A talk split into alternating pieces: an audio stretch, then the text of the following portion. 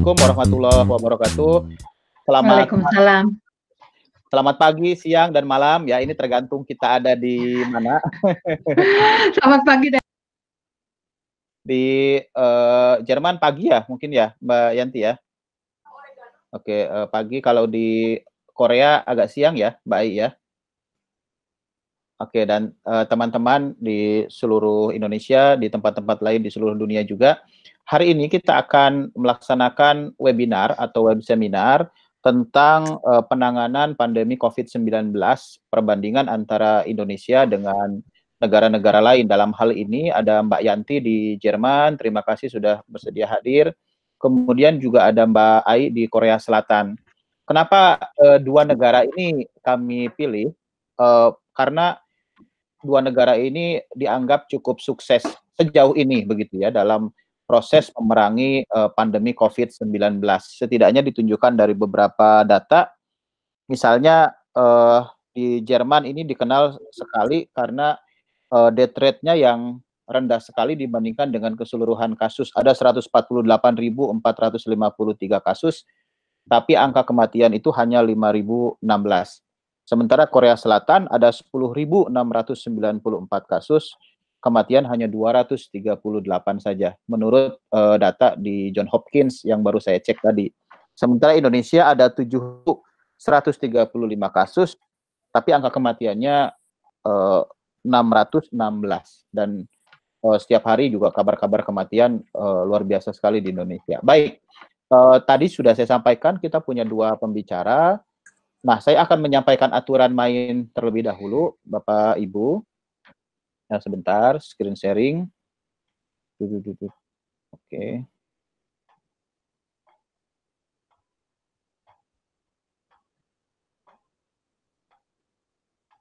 Nah, eh, ini diskusi kita hari ini dilaksanakan oleh Spin Doctor. Spin Doctor ini kanal YouTube yang memang eh, selama ini melakukan proses pendidikan politik dan mendiskusikan eh, dunia politik kontemporer bersama saya dan Dr. Aditya Perdana aturan main diskusi kita, yang pertama nanti pembicara pertama akan menyampaikan paparan sekitar 20 menit, diikuti dengan pembicara kedua, masing-masing 20 menit. Kemudian nanti akan ada penajaman oleh host dalam hal ini Pak Adit yang akan menyampaikan penajamannya. Yang ketiga, kemudian diskusi dengan audiens. Audiens ini wajib menuliskan kata bertanya di chatting room, dan kemudian baru berbicara setelah dipersilahkan oleh host dengan menyalakan kamera dan juga mikrofon. Untuk menjamin kualitas diskusi, selama diskusi semua peserta kecuali yang sedang dipersilahkan berbicara wajib mematikan mikrofon dan kamera video. Peserta yang tidak mematuhi akan dikeluarkan dari diskusi. Diskusi ini direkam, jadi kami minta izin kepada para pembicara dan peserta untuk merekam dan akan ditampilkan di channel YouTube uh, www youtube.com the spin doctors ini uh, kanal uh, YouTube kami dan nanti ini akan bermanfaat sekali uh, bagi mereka yang membutuhkan informasi seputar isu yang hari ini kita diskusikan. Jadi ini adalah aturan mainnya. Baik, uh, siapa yang lebih dulu? Apakah Bu Yanti atau Mbak Aisyah?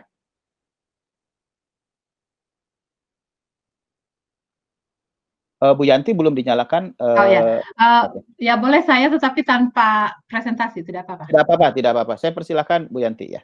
Iya, oke. Uh, terima kasih, selamat pagi semuanya, dan saya ber, juga berterima kasih kepada uh, organisator yang telah uh, mengajak saya untuk melakukan ini. Mohon maaf karena minggu ini adalah minggu pertama uh, mulai tanggal 20 um, April ini adalah minggu pertama Universitas meng, apa ya membuka lagi perkuliahan tetapi melalui uh, online melalui uh, online dengan memakai Zoom seperti mungkin juga di uh, Indonesia. Jadi untuk saya khususnya sebagai dosen di Universitas Hamburg di jurusan Asia Tenggara dan juga untuk para uh, mahasiswa kami itu memang ini suatu uh, adaptasi yang baru karena kami selama ini langsung bertemu di kelas. Jadi ketika Mas Adit uh, Pradana, Pak Dr. Adit, yang teman saya dulu waktu di Universitas Hamburg, memberitahu saya untuk ikut ini, jadi saya tidak uh, menyiapkan uh, presentasinya, tidak sempat ya. Oke, tetapi saya mungkin nanti juga akan ada minta bantuan kepada beberapa mahasiswa, misalnya Jasper atau Verena, kalau memang ada hal-hal yang berhubungan dengan uh, uh, apa ya yang berhubungan dengan kehidupan mahasiswa atau bagaimana pengalaman mereka seperti itu. Jadi uh, saya bisa mengatakan bahwa untuk uh, sekarang sudah selesai ya Paskah ya. Jadi Jerman itu se sebelum Paskah itu sangat apa ya seperti uh, lockdown di daerah Bayer, kemudian uh, physical distancing, uh, social distancing dan sebagainya itu cukup ketat ya. Tapi walaupun demikian, saya kira terutama di kota Hamburg seperti tempat saya tinggal ini, yang termasuk kota yang sangat liberal di di uh, Jerman, ini uh, peraturan dari pemerintah dalam hal uh, pengetatan ya uh, physical distancing, social distancing itu memang sebenarnya cukup rileks ya, tetapi menuntut kedisiplinan masyarakat. Ini yang saya kira salah satu keberhasilan secara umum yang dicapai oleh Jerman itu. Karena kalau lockdown di, diterapkan seperti misalkan di daerah Bayer, di daerah Hessen itu negara bagian Jerman kan ada 16 ya, tapi tidak tidak merata secara nasional. Keputusan itu memang di sini itu di diserahkan sepenuhnya kepada setiap negara bagian. Jadi tidak akan sama misalkan di negara bagian Hamburg tempat saya tinggal di utara dengan di selatan di Bayern yang menerapkan lockdown. Di sini ada beberapa istilah misalkan Ausgangssperre itu seperti eh, lockdown adalah pembatasan wilayah yang benar-benar ditutup. Wilayahnya tidak boleh dari satu wilayah ke wilayah lain e, bepergian walaupun misalkan udaranya sedang baik ya uh, ingin pergi ke negara bagian sebelah misalnya. Itu memang tidak boleh. Dan itu biasanya keputusan untuk lockdown ataupun untuk uh, Ausgangssperre itu memang ada konsekuensi hukum. Dan Jerman biasanya tidak pemerintah Jerman uh, dalam hal ini biasanya disosialisasikan dengan uh, oleh uh, Ibu Angela Merkel selaku kanselir Jerman.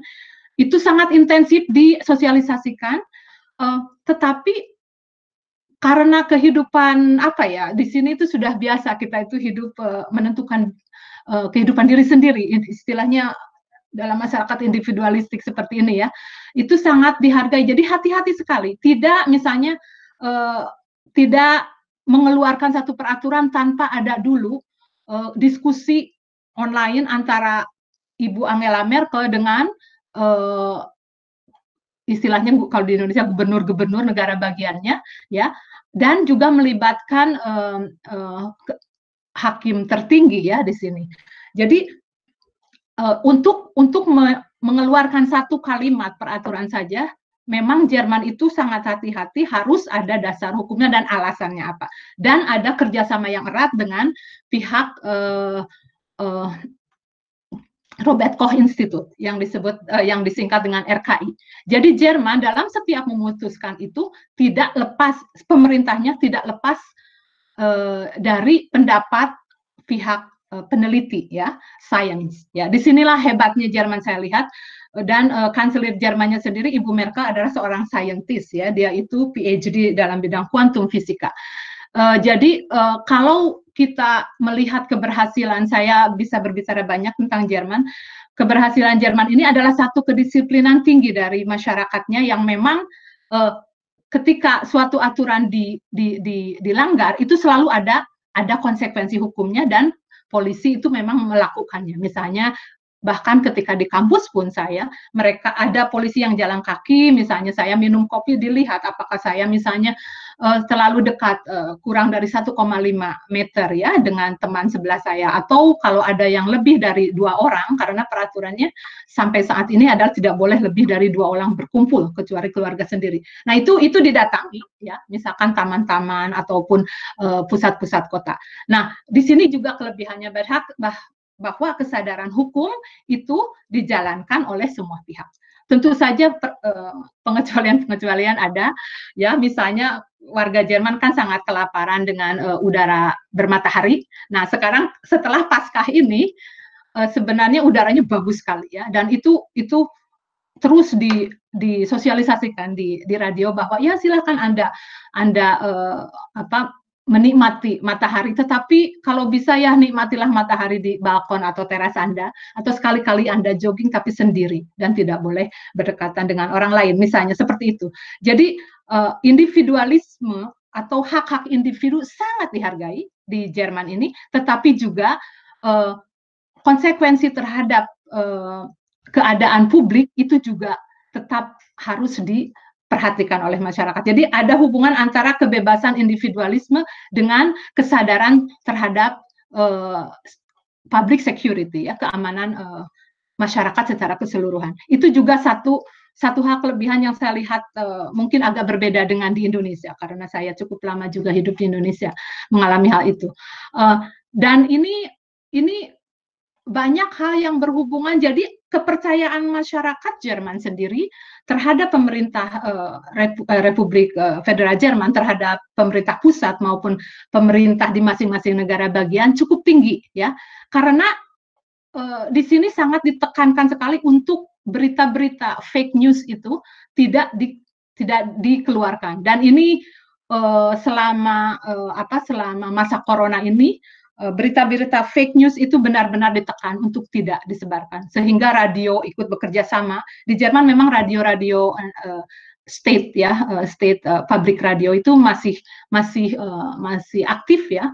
Uh, seperti kalau di Hamburg ini kita ada NDR Norddeutsche uh, Rundfunk misalnya. Saya banyak mendengarkan itu karena yang lokal lokal yang kejadian di Hamburg pun saya mengikutinya bisa melalui radio misalnya.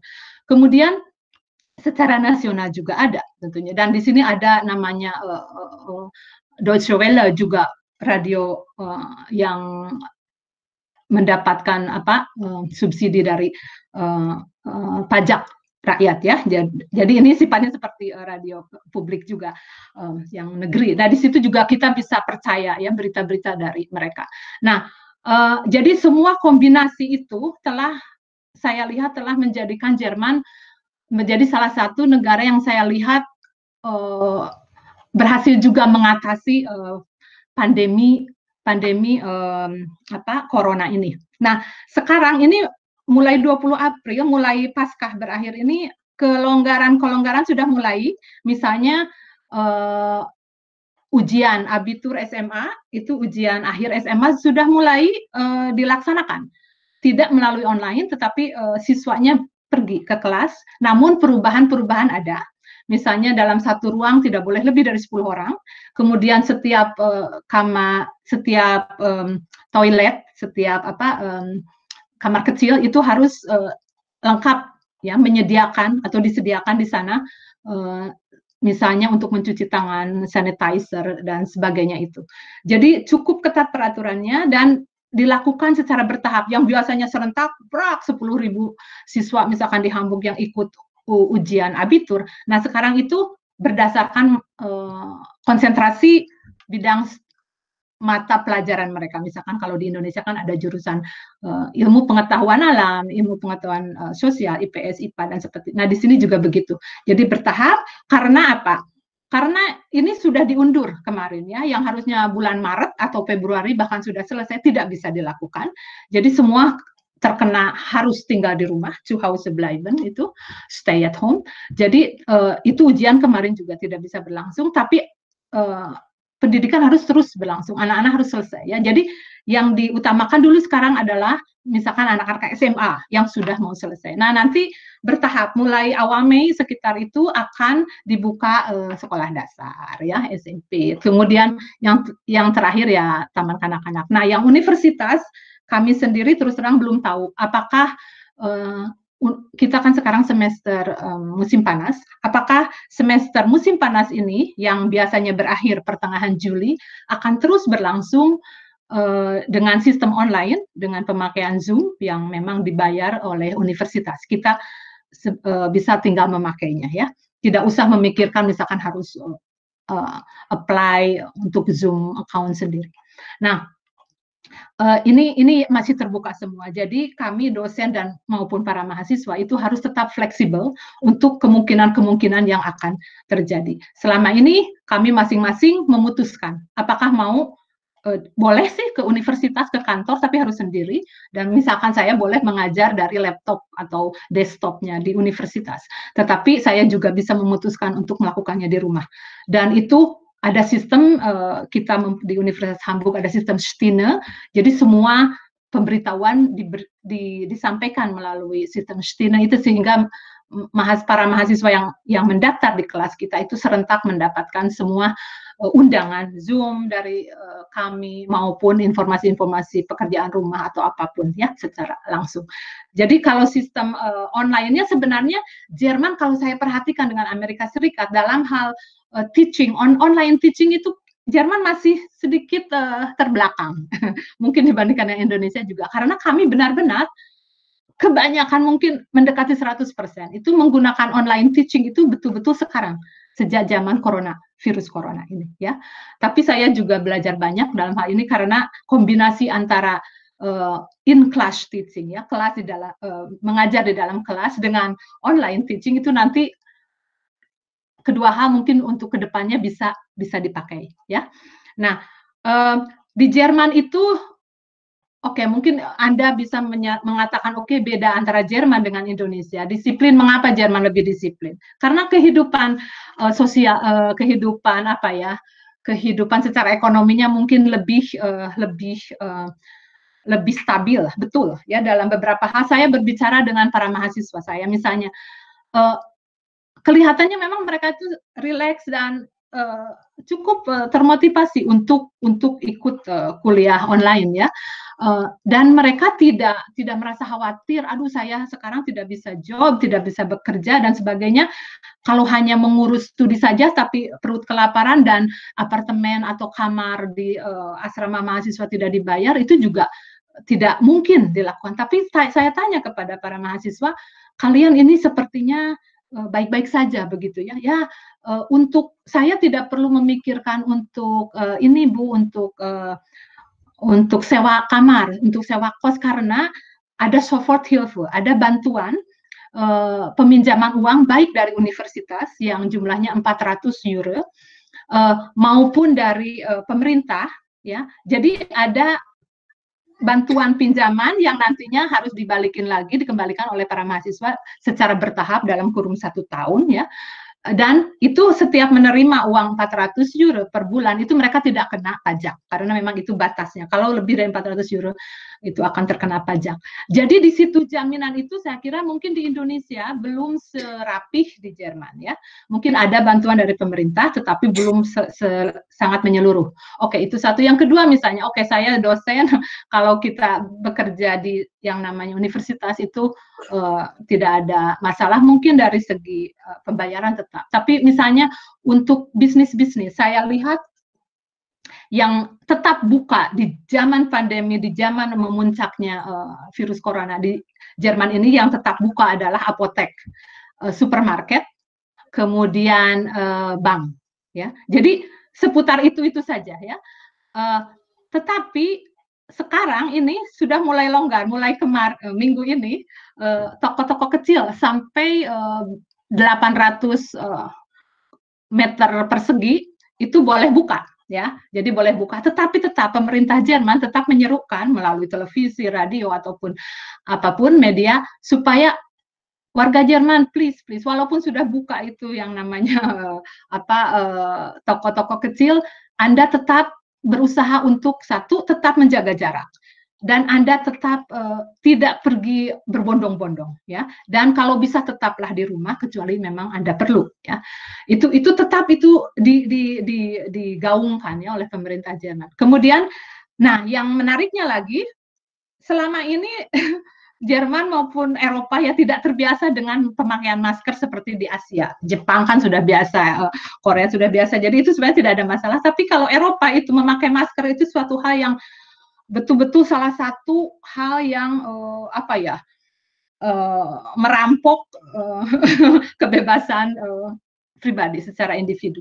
Tetapi sekarang uh, pemerintah Jerman ya dan saya lihat juga beberapa negara di Eropa walaupun sadar bahwa mereka belum mempunyai persediaan masker yang cukup untuk seluruh masyarakat, mereka mulai menyerukan di Hamburg sendiri, kota kami, negara bagian kami, hari Senin mulai wajib ya.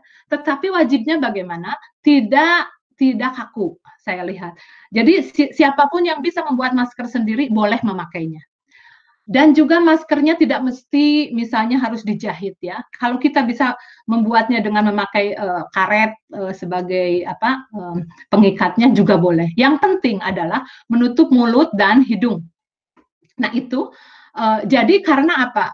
Pemerintah Jerman atau juga pemerintah negara negara lain di Eropa menyadari bahwa kalau uh, kalau produk hukum sudah di, di, di, dihasilkan dan menyuruh misalkan masyarakatnya untuk memakai masker yang yang standar ya yang harus dibeli di apotek yang sebenarnya e, persediaannya tidak cukup maka itu produk hukum itu selalu ada konsekuensi hukumnya. Akan ada yang dihukum akan ada yang didenda dan sebagainya oleh karena itu hal ini tidak dilakukan wajib memakai masker ya tetapi tetapi misalnya boleh hasil buatan sendiri Kedua, hanya dipakai ketika naik bis, naik kereta api, seperti itu ya, tempat uh, public transportation, atau kalau sedang belanja. Karena apa? Karena jarak ini yang susah di, uh, susah di, uh, kadang susah dipegang ya, yang harus 1,5 uh, minimal itu misalnya buktinya ternyata sulit. Dan masker ini sebenarnya dari awal-awal itu diserukan oleh pemerintah di Eropa, Jerman dan beberapa negara di Eropa bahwa masker tidak perlu. Karena apa? Yang sakitlah yang harus memakai masker. Sementara untuk mengetahui orang itu sakit atau tidak sebenarnya harus melalui tes atau orangnya sendiri merasakan sakit begitu ya. Eh, nah sekarang hal ini menjadi buyar kembali setelah misalkan ada sedikit pelonggaran-pelonggaran. Toko-toko mulai dibuka yang kecil-kecil, kemudian nanti mulai Mei meningkat ke yang lebih yang 1200 eh, meter persegi ya kalau tidak salah. Itu lebih besar lagi toko-tokonya. Makanya kemungkinan interaksi manusia, physical distancingnya itu sudah mulai tidak uh, bisa uh, apa dilakukan sebaik sebelumnya. Makanya ada ketentuan lain wajib masker ya dan ini ini sekarang bertambah setiap hari saya melihat uh, keputusan uh, pemerintah negara bagian uh, di Jerman itu bertambah. Jadi bertambah negara-negara bagian di Jerman yang yang uh, mengeluarkan peraturan memakai masker yang um, dipakai ketika berada di tempat umum. Berapa lama lagi saya berbicara? Masih? Satu menit lagi. Oke, okay, ya. Nanti okay, biar baik. banyak diskusi.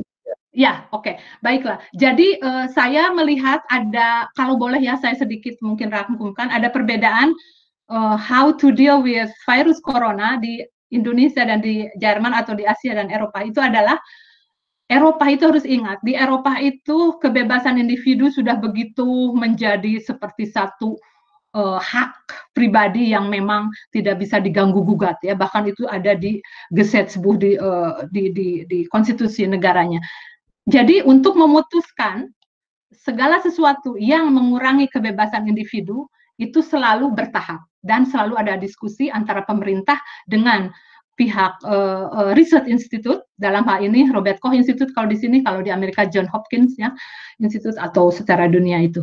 Uh, dan pihak uh, hukum ya pihak pengadilan. Karena ketiga ini pemerintah eksekutif kemudian yudikatif dan juga uh, bagian uh, informasi data yang yang yang betul dalam hal ini pihak Forschung Institute ya Research Institute ini tidak bisa terlepas. Makanya jangan heran kalau memang keputusan tidak tidak sekaligus ya itu bertahap tetapi karena konsisten dan ada terus dan bisa diakses oleh masyarakat saya lihat uh, kehadiran Ibu Merkel itu seperti apa ya untuk saya itu kalau saya lihat sepertinya untuk warga Jerman itu kayak seperti ibu betul dirasakan. Apa pun yang datang dari Ibu Merkel itu we can rely on her ya. Kita bisa bisa mengikutinya, percaya seperti itu.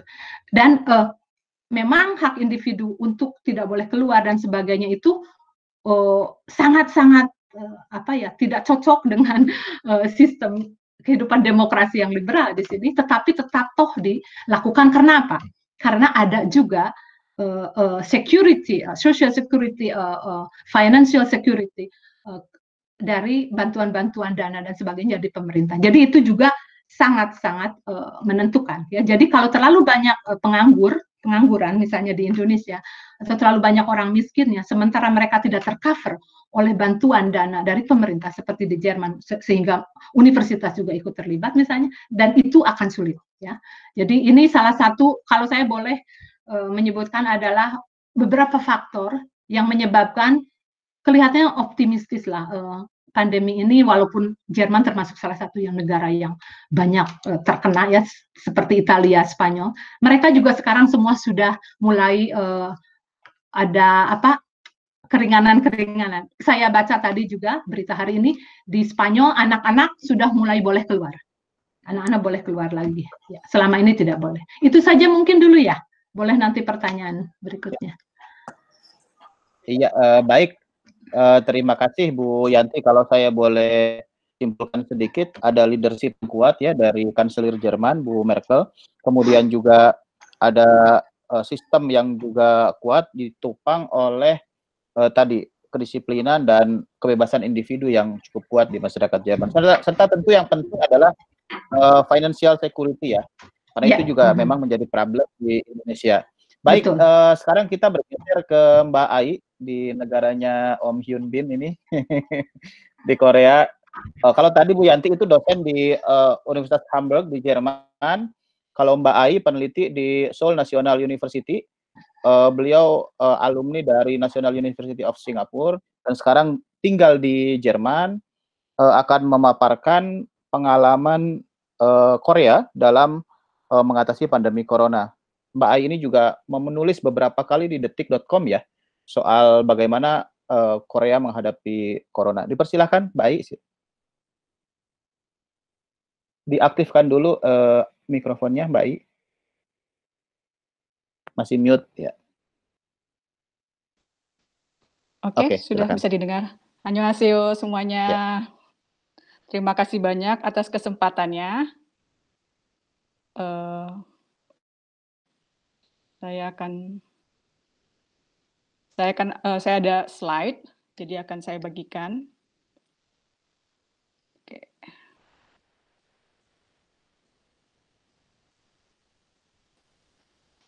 Oke, di sini uh, saya akan sharing tentang kisah sukses Korea Selatan dalam penanggulangan wabah COVID-19.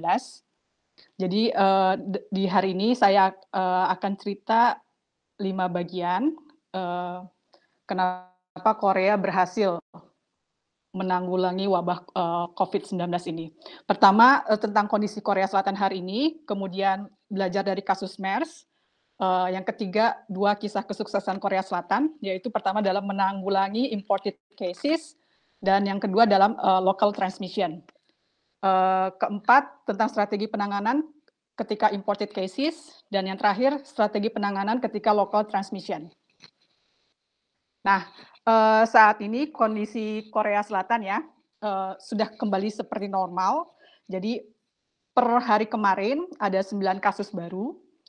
Uh, jadi bisa dilihat ini kira-kira seperti ini kehidupan di, yang namanya normal ini adalah seperti ini. Ini yang digambar yang di tengah ini adalah stasiun MRT, stasiun subway. Jadi sudah mulai ramai kembali. Yang dibagi uh, di gambar yang kedua sebelah kanan ini adalah uh, sebuah mall. Uh, dulunya uh, ketika wa, ketika masa-masa puncak uh, wabah COVID, bazar seperti ini, jadi bazar yang sifatnya uh, non permanen itu tidak diperbolehkan. Jadi cuma ada hanya toko-toko yang permanen. Nah, uh, kita bisa lihat pada peta Korea Selatan ya. Nah, uh, di Korea Selatan ini uh, per hari per kemarin ya, per kemarin sudah ada total 10.683 kasus uh, dengan uh, kasus terbaru adalah 9. Nah, uh, daerah yang paling banyak uh, kasus COVID itu sekitar uh, lebih dari uh, sekitar 70 persen itu ada di kota Daegu. Ini kota Daegu di sini bisa dilihat ada 6.835. Kemudian yang uh, kota provinsi yang ter, kedua terbanyak adalah uh, provinsi Gyeongbuk. Dan kemudian disusul dengan kota Seoul, uh, bukan kota uh, dengan provinsi Gyeonggi, yaitu keempat, uh, dan kemudian dilanjut dengan Seoul. Tapi di waktu masa-masa puncak masa-masa puncak uh, COVID-19, Seoul itu ada pada urutan kelima. Jadi di Daegu itu waktu itu mas, sudah 2000, Seoul waktu itu masih hanya 30 orang. Nah, eh, lanjut kita sebelum sebelum beralih pada masalah kasus COVID-19, saya akan cerita dulu tentang eh, kegagalan Korea menangani wabah MERS. Jadi wabah MERS ini eh, merebak pada tahun 2015, khusus di Korea ya. Sementara kalau di Timur Tengah itu merebaknya pada tahun 2012. Nah, eh, Korea pada masa itu dipimpin oleh partai eh, bukannya partai Moon Jae-in sekarang, tapi partainya oposisi yang sekarang. Nah, eh, Korea menjadi negara paling banyak kedua setelah Timur Tengah. Nah, uh, waktu itu juga sama seperti COVID, orang tidak mengerti ini apa yang dimaksud dengan kas, uh, apa coronavirus MERS ini. Yang jelas ini kas, uh, menyerang saluran pernafasan, orang memiliki gejala seperti flu. Dan uh, MERS dengan COVID ini memiliki kesamaan bahwa orang yang terinfeksi dia tidak selalu memiliki gejala. Jadi dia tidak selalu punya gejala sakit atau demam. Nah, pada masa itu sendiri Korea uh, mengalami eh, uh, 38 kematian dan ada 186 kasus di Korea. Jadi merupakan negara terbanyak yang uh, terkena dampak uh, kasus MERS. Nah, uh, penularan uh, MERS ini dia melalui kontak dengan onta atau minum susu mentah uh, onta atau memiliki kontak dengan orang yang terinfeksi uh, MERS. Nah, awal mulanya ini dari wabah MERS ini uh, berawal dari seorang pengusaha, pengusaha greenhouse ya. Dia berumur 68 tahun, dia pergi uh, kunjungan bisnis di Timur Tengah. Waktu itu dia kunjungan bisnisnya ke Bahrain pada tanggal 4 Mei 2015. Seminggu kemudian setelah pulang dari Bahrain, ini kasus nomor satu, dia sakit demam dan berobat ke klinik. Jadi dia berobat ke klinik, berpindah-pindah ke klinik karena dia nggak sembuh. Jadi habis dari dokter ini, uh, udah minum obat dia nggak sembuh ke dokter yang lain pindah ke klinik yang lain sampai akhirnya dia dirawat di rumah sakit di rumah sakit uh, Saint Mary's Hospital. Nah di rumah sakit Saint Mary's Hospital ini juga dia nggak membaik. Dokter nggak ada yang tahu dia ini sakit apa sebenarnya. Akhirnya ke, uh, kemudian dia dirujuk kembali dirujuk ke rumah sakit yang lebih besar, rumah sakit Samsung Medical Center. Nah baru pada tanggal 20 Mei, jadi ada sekitar jarak satu minggu dari uh, total dua minggu berarti ya hampir dua minggu dari sejak dia pulang sampai dia positif uh, terdeteksi uh, MERS itu ada dua minggu. Nah karena terlambat pasien tersebut itu jadi menularkan hampir 28 pasien lainnya. Jadi dari bayangkan dari 186 orang eh, hampir 60% itu penularan terjadi di rumah sakit. Nah, dari situlah Korea belajar apa sih yang bisa diambil dari kasus uh, wabah MERS ini? Pertama, kesalahan yang pertama pada masa itu adalah uh, update data di WHO. Korea tidak mengupdate data di WHO. Jadi WHO itu bikin uh, buat data bahwa Bahrain bukan sebagai zona bahaya MERS pada saat itu. Tapi di masa lampau uh, uh, Bahrain ini punya kasus MERS. Nah, sementara di datanya KCDC-nya Korea kontrol uh, Korea Center Disease Controlnya itu tidak mengupdate. Jadi dia menghilangkan bahwa Bahrain sebagai kota sebagai negara zona berbahaya. Akibatnya orang yang yang dari kasus nomor satu itu tidak dicurigai sebagai carrier uh, uh, MERS uh, virus. Nah, kemudian yang kedua belajar dari MERS ini adalah uh, perlunya deteksi dini. Jadi waktu di kasus pertama itu ada sekitar dua minggu dokter kelimpungan ini nggak tahu penyakit apa. Uh, yang terjadi adalah akhirnya dimenularkan ke semua orang, nggak ke semua orang tapi ke banyak orang. Nah dari sini Korea belajar bahwa kita perlu deteksi dini. Jadi jangan sampai uh, kejadian seperti kasus di MERS. Nah deteksi dini ini juga di waktu itu masalahnya adalah tes MERS yang ruwet. Jadi tidak semua lab di Korea, lab kesehatan itu memiliki uh, alat diagnostik tes. Nah, yang keempat ini rumah sakit menjadi tempat penularan. Nah, dari sini Korea belajar gimana caranya rumah sakit itu harus dibedakan antara bagian yang uh, punya infectious disease, jadi pasien yang kira-kira menularkan, ini harus dipisahkan dengan pasien-pasien yang punya penyakit yang tidak menularkan. Jadi misalnya penyakit TBC, penyakit cacar itu harus punya ward sendiri, punya rawat inap sendiri dibandingkan dengan pasien yang misalnya ginjal, jantung dan lain sebagainya. Nah, yang terakhir adalah Korea juga membuat revisi undang-undang darurat kesehatan. Di sini maksudnya adalah Korea waktu itu kita harus punya undang-undang bahwa untuk bisa untuk bisa ngetes suatu uh, penyakit atau virus itu kita nggak perlu lagi ketika misalnya darurat kesehatan kita tidak perlu lagi meminta izin dari Kementerian Kesehatan. Nah dari situlah Korea belajar dari wabah MERS ini dan kemudian uh, ini diimplementasikan dalam hal menangani uh, eh, COVID-19. Nah, di dalam COVID-19 ini ada dua keberhasilan Korea. Pertama yaitu uh, Korea berhasil menahan laju imported cases. Jadi ketika kasus COVID-19 ini masih bertipe uh, imported. Jadi orang-orang yang punya riwayat perjalanan dari Wuhan, Cina, ataupun dari Makau, Taiwan, Hong Kong, uh, ya Hong Kong, uh, Taiwan, dan Makau.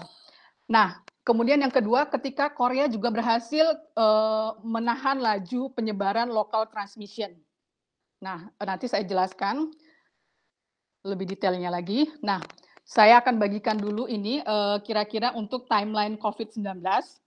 Kasus pertama yaitu pada uh, tanggal 20 Januari. Jadi kasus pertama ini uh, di tanggal 19 dia tiba di Korea, kemudian uh, dia tes COVID karena dia si uh, si ibu ini dia mengalami demam waktu di bandara. Dia demam, kemudian dia langsung dirujuk untuk tes COVID-19 Kemudian hasilnya keluar bahwa dia positif um, COVID-19 pada tanggal 20 Mei. Nah, di sini Korea langsung mengeluarkan sistem uh, alertnya, jadi sistem peringatan dari yang tadinya biru hingga ke kuning. Nah, dari sini juga Korea membuat segala uh, segala uh, segala sesuatu tentang edukasi dan sosialisasi COVID-19. Nah, bisa kita lihat misalnya pada bulan dari mulai Januari sampai uh, pertengahan Februari, pertama yang dilakukan Korea adalah tadi dari kasus pertama ya kita lihat Korea langsung membuat kontrol perbatasan.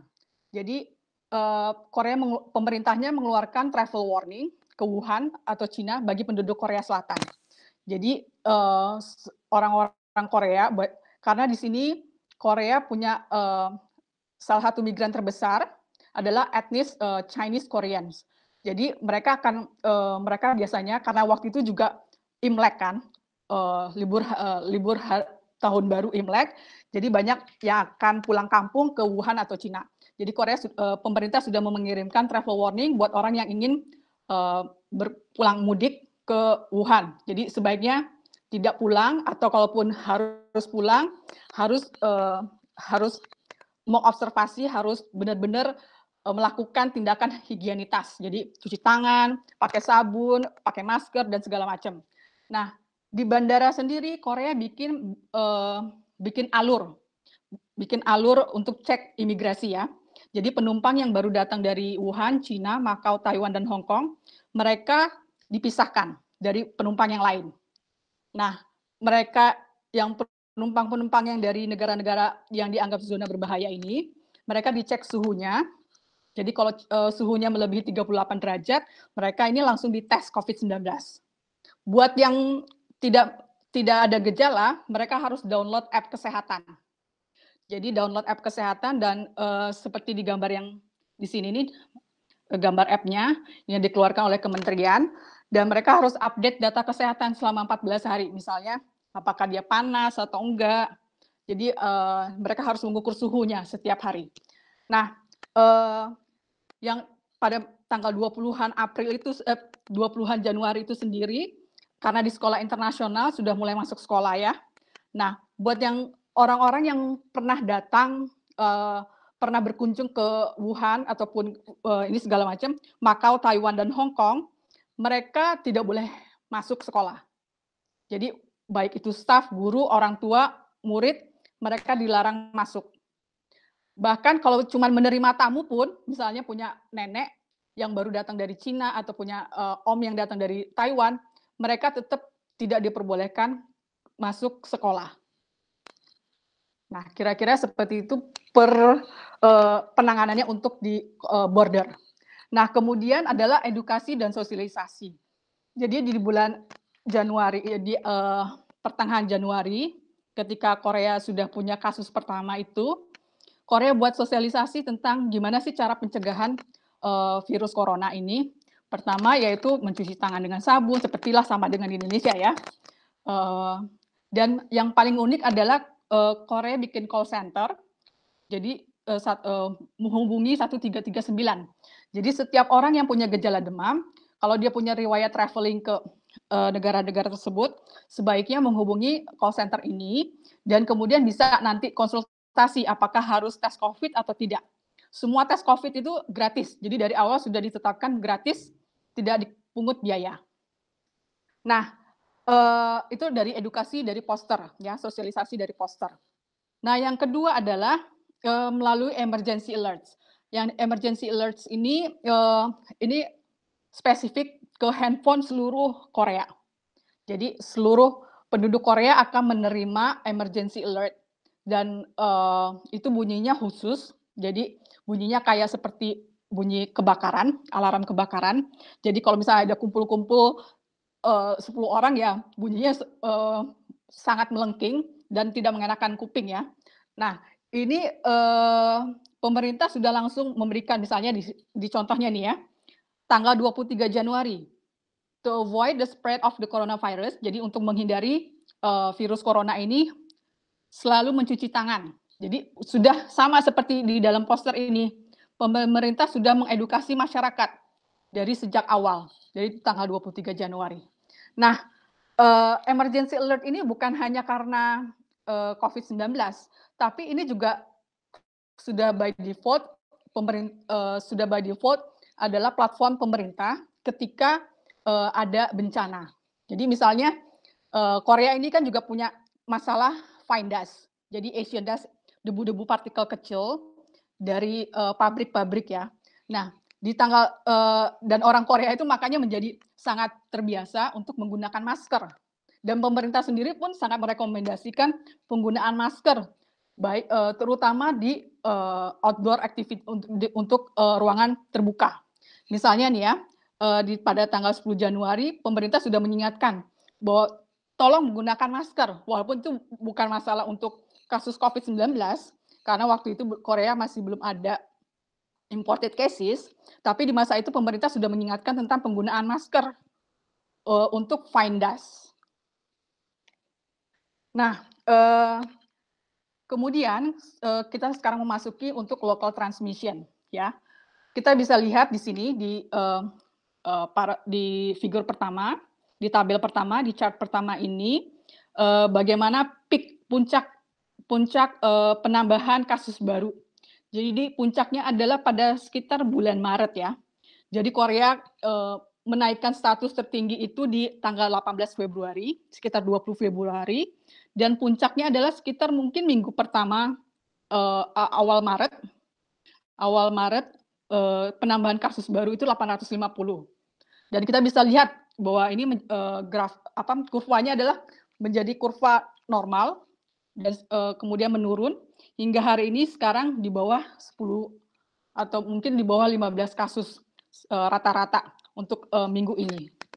Nah, Uh, Korea juga berhasil dalam hal menekan angka kematian. Jadi kalau misalnya tadi Bung Hamid sudah jelaskan bahwa uh, salah satu keberhasilan negara Korea adalah menekan angka kematian. Uh, jadi di sini angka kematian Korea sendiri ada hanya 0,8 persen, sementara untuk pada tingkat global itu ada di angka 3,4 persen. Jadi total kematian di Korea sekitar 200, 240 kalau di uh, di tingkat global mungkin sudah satu juta sekarang, eh mungkin sudah udah ratusan ribu orang yang meninggal karena COVID-19. Nah, uh, gimana sih kisah dimulai local transmission ini di Korea? Ini uh, jadi dari nomor kasus 1 sampai kasus 28 itu imported cases. Mulai 29, 30, 31 itu uh, petugas kesehatan, pihak berwenang tidak mengerti. Ini epidemiological linknya ke mana ini? Kok nggak nggak ada hubungan?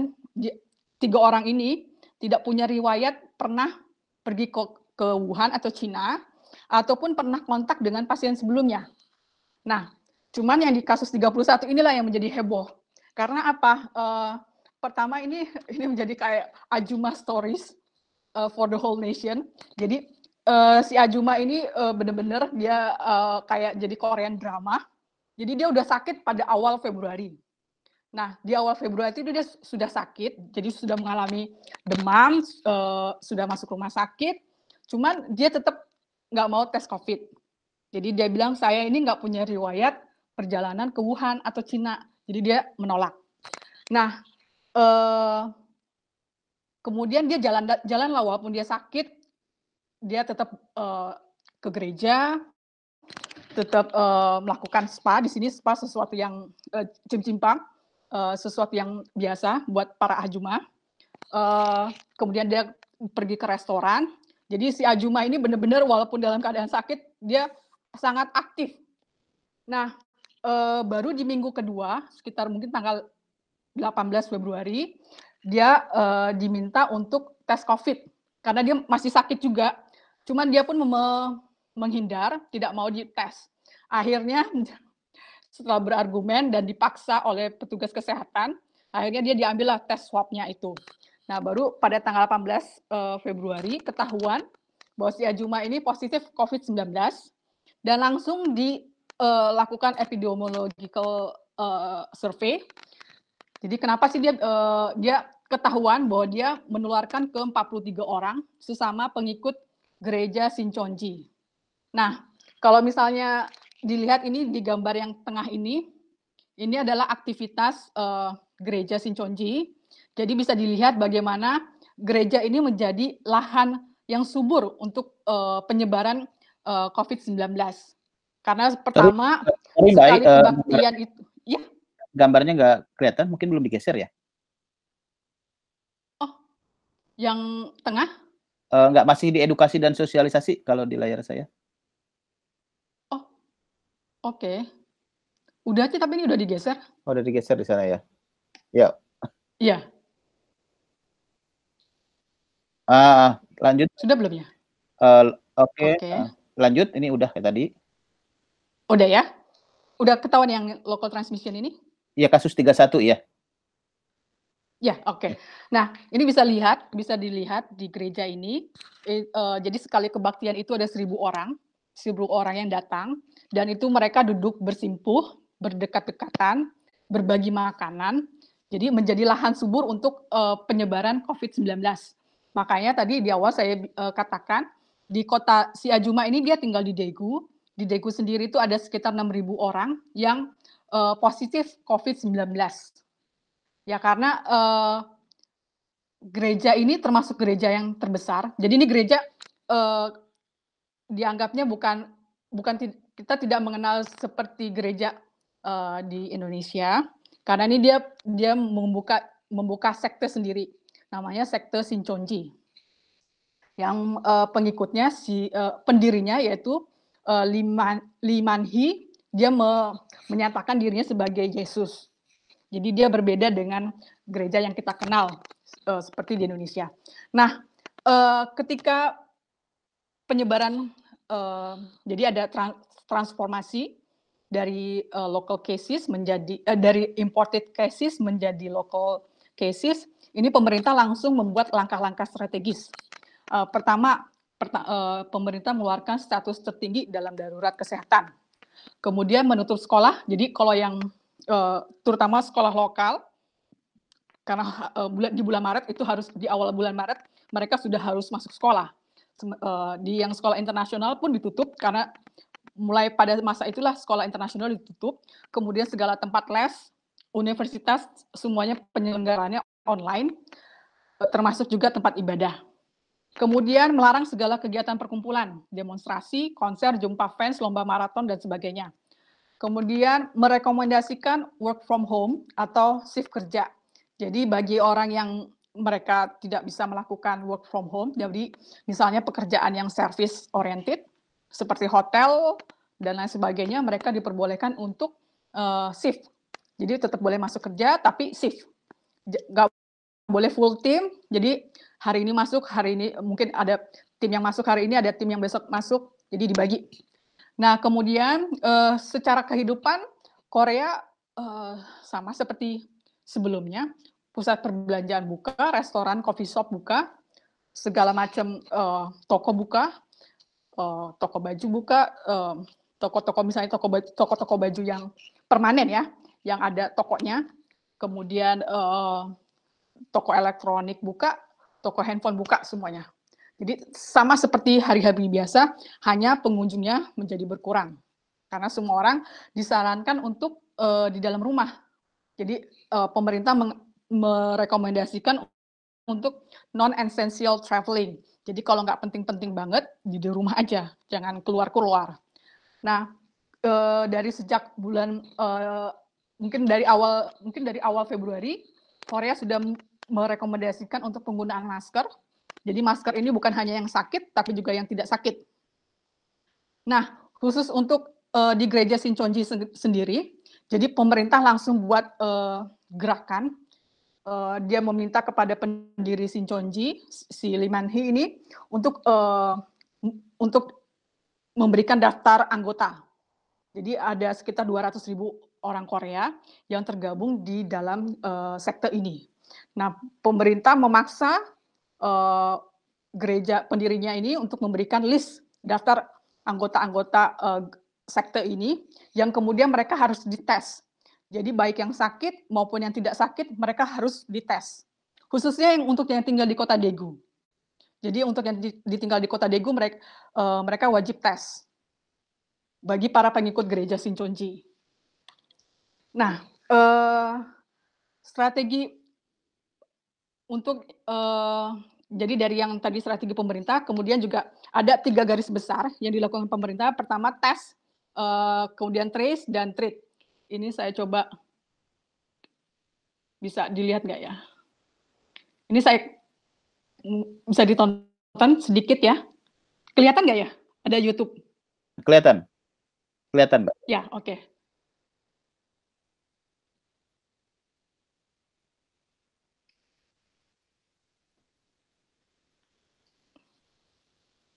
Ini jalur tes uh, swab test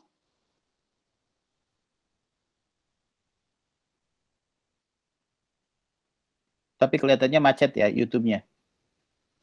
Oh ya, oh oke. Okay. Tidak. Oke okay, ya udah kalau gitu nggak usah aja, saya lanjut yeah. ke sini saja. Yeah. Oke, okay, jadi uh, Korea ini membuat tes sangat mudah. Jadi pertama ada uh, klinik kesehatan. Jadi di setiap kantor kecamatan itu mereka punya kayak puskesmas gitu kayak di Indonesia, tapi juga model kayak rumah sakit ya. Baik ketutup hmm? Oke, okay, ya udah oke. Okay. Ya, lanjut lanjut, Maka. Oke.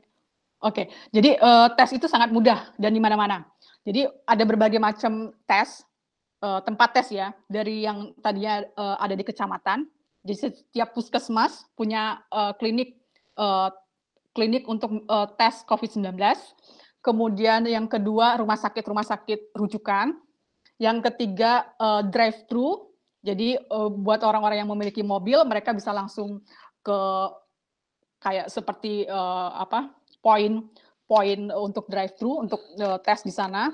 Dan yang keempat itu tadi yang bisa ditonton melalui uh, klinik tapi dia modelnya kayak wartel wartel zaman dulu. Kalau misalnya generasi lawas mengerti itu itu wartel. Jadi di situ uh, apa yang pasien yang kemungkinan terinfeksi mereka harus masuk ke dalam uh, booth uh, wartel dan dites sementara yang petugasnya ada di luar uh, ruangan di luar booth itu, jadi tidak memiliki kontak langsung. Nah, tes ini sangat mudah dan gratis ya. Uh, beda misalnya dengan Amerika, misalnya kenapa uh, Amerika saat menjadi menjadi negara yang paling buruk karena uh, walaupun sama-sama uh, kasus pertama uh, Korea dengan Amerika itu pada tanggal 20 Januari. Hmm. Cuman uh, kita bisa lihat perbedaannya.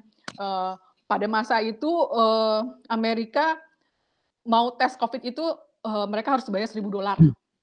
Dan itu uh, tidak di sembarang tempat, jadi hanya di tempat-tempat tertentu aja. Sementara di Korea sudah di mana-mana dipermudah buat siapa saja. Jadi walaupun misalnya uh, misalnya turis ataupun migran ilegal, mereka uh, bisa tes COVID-19. Bahkan migran ilegal pun pemerintah menjamin bahwa kita tidak akan memberikan sanksi hukum, sanksi administrasi bagi imigran ilegal yang melakukan tes COVID-19. Keluar meeting. Nah, uh, berbeda dengan di Indonesia sendiri, di Indonesia itu um, menggunakan metode uh, ada dua metode ya, uh, tes PCR dan rapid test. Di Korea kita tidak melakukan uh, rapid test yang model tes darah, kita langsung melakukan tes swab test. Hmm. Jadi dengan keakuratan 99%. Dan hasil tesnya itu bisa diketahui dalam waktu 6 jam. Nah, pemerintah sendiri juga menjamin segala macam uh, biaya untuk pemeriksaan. Jadi nggak hanya untuk orang asing, warga negara Korea, uh, tapi juga untuk migran ilegal maupun untuk turis. Nah, kemudian yang uh, kedua adalah trace. Jadi investigasi penelusuran.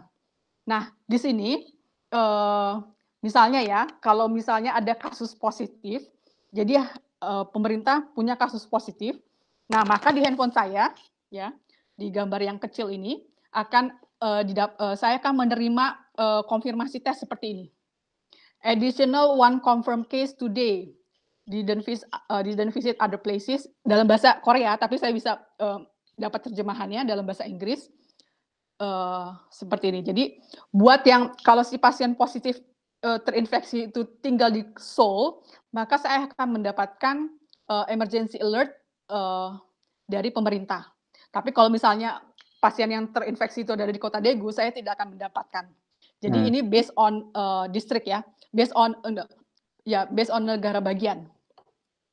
Nah, uh, setelah dapat setelah dapat uh, konfirmasi yang positif, saya juga bisa mendapatkan uh, tentang riwayat perjalanan. Jadi misalnya nih ya, uh, one confirmed COVID case in Sombokgu. Jadi ada uh, satu yang uh, terpositif di uh, kecamatan Sombuk. Nah, details. Jadi dia tinggal di Jangwidong, uh, 49 tahun, laki-laki, uh, bekerja di company Songdogu, dan uh, dia uh, dipercaya terinfeksi karena teman kerjanya. Nah, di sini saya bisa lihat, oh yang dia uh, dia pergi ke mana aja.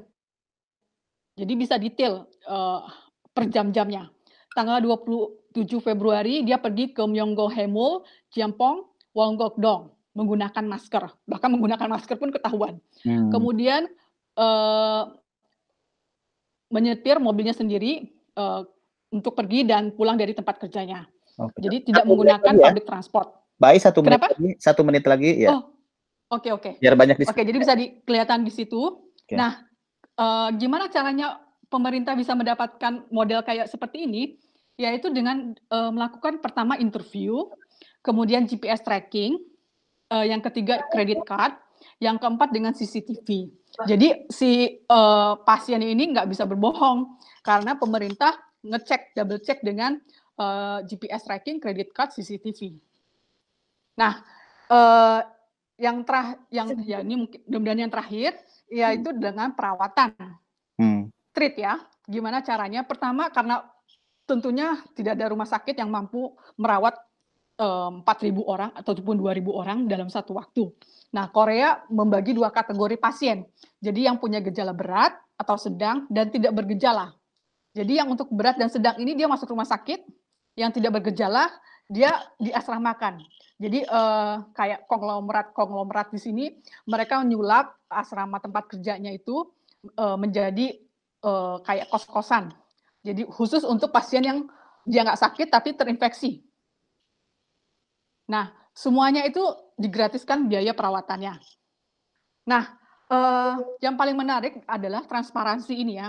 Jadi berbeda dengan di negara-negara Eropa, uh, Korea sangat-sangat terbuka sekali untuk untuk uh, untuk penggunaan data pribadi ya. Tapi ini juga dipertanggungjawabkan kembali bahwa yang data yang digunakan oleh pemerintah Korea itu sebenarnya untuk uh, untuk uh, untuk warganya sendiri. Jadi gini, uh, kalau buat negara-negara di Eropa, penggunaan data pribadi ini sangat merusak kebebasan uh, privacy mereka.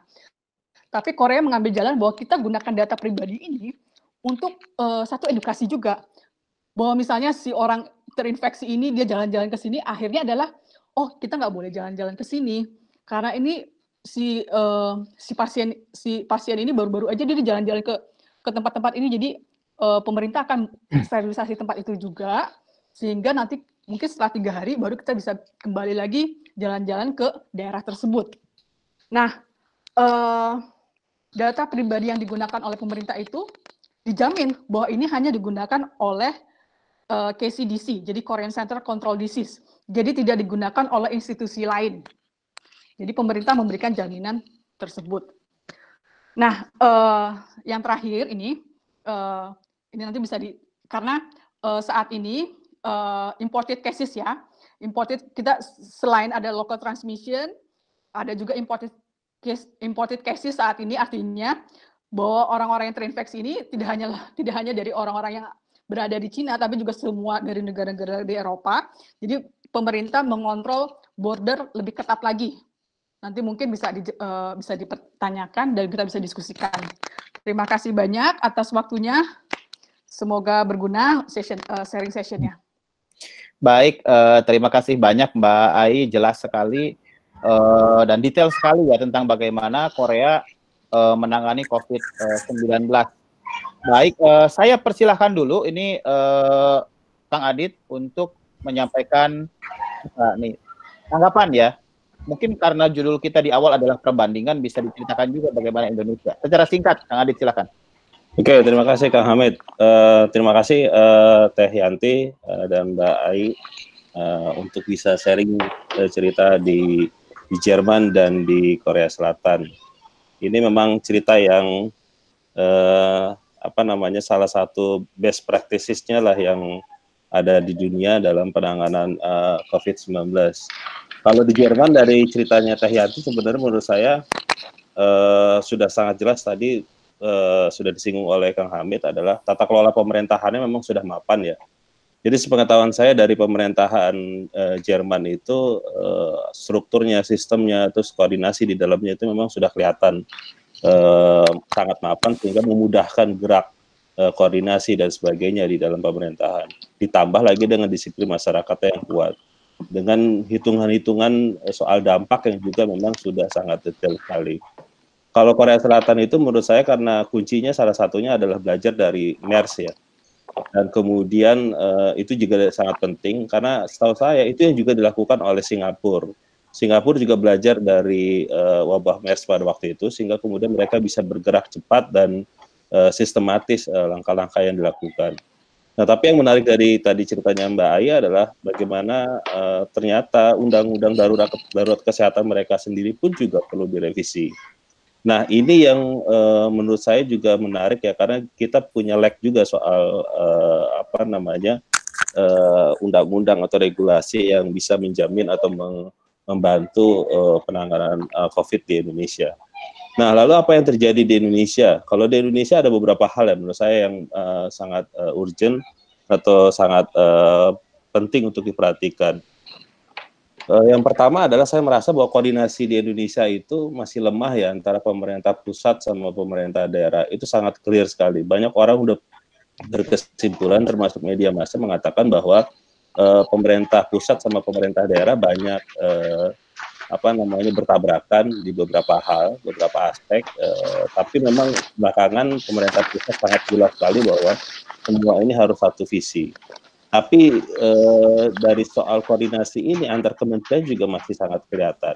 Sebagai contoh misalkan eh, di, di DKI Jakarta eh, orang nggak boleh eh, datang atau masuk ke wilayah Jakarta karena PSBB, tapi di sana eh, toko-toko atau kantor-kantor masih banyak yang buka karena memang Kementerian Perindustrian dan Perdagangan tidak melarang untuk eh, persoalan izin itu, eh, persoalan pembatasan eh, kerja kantor.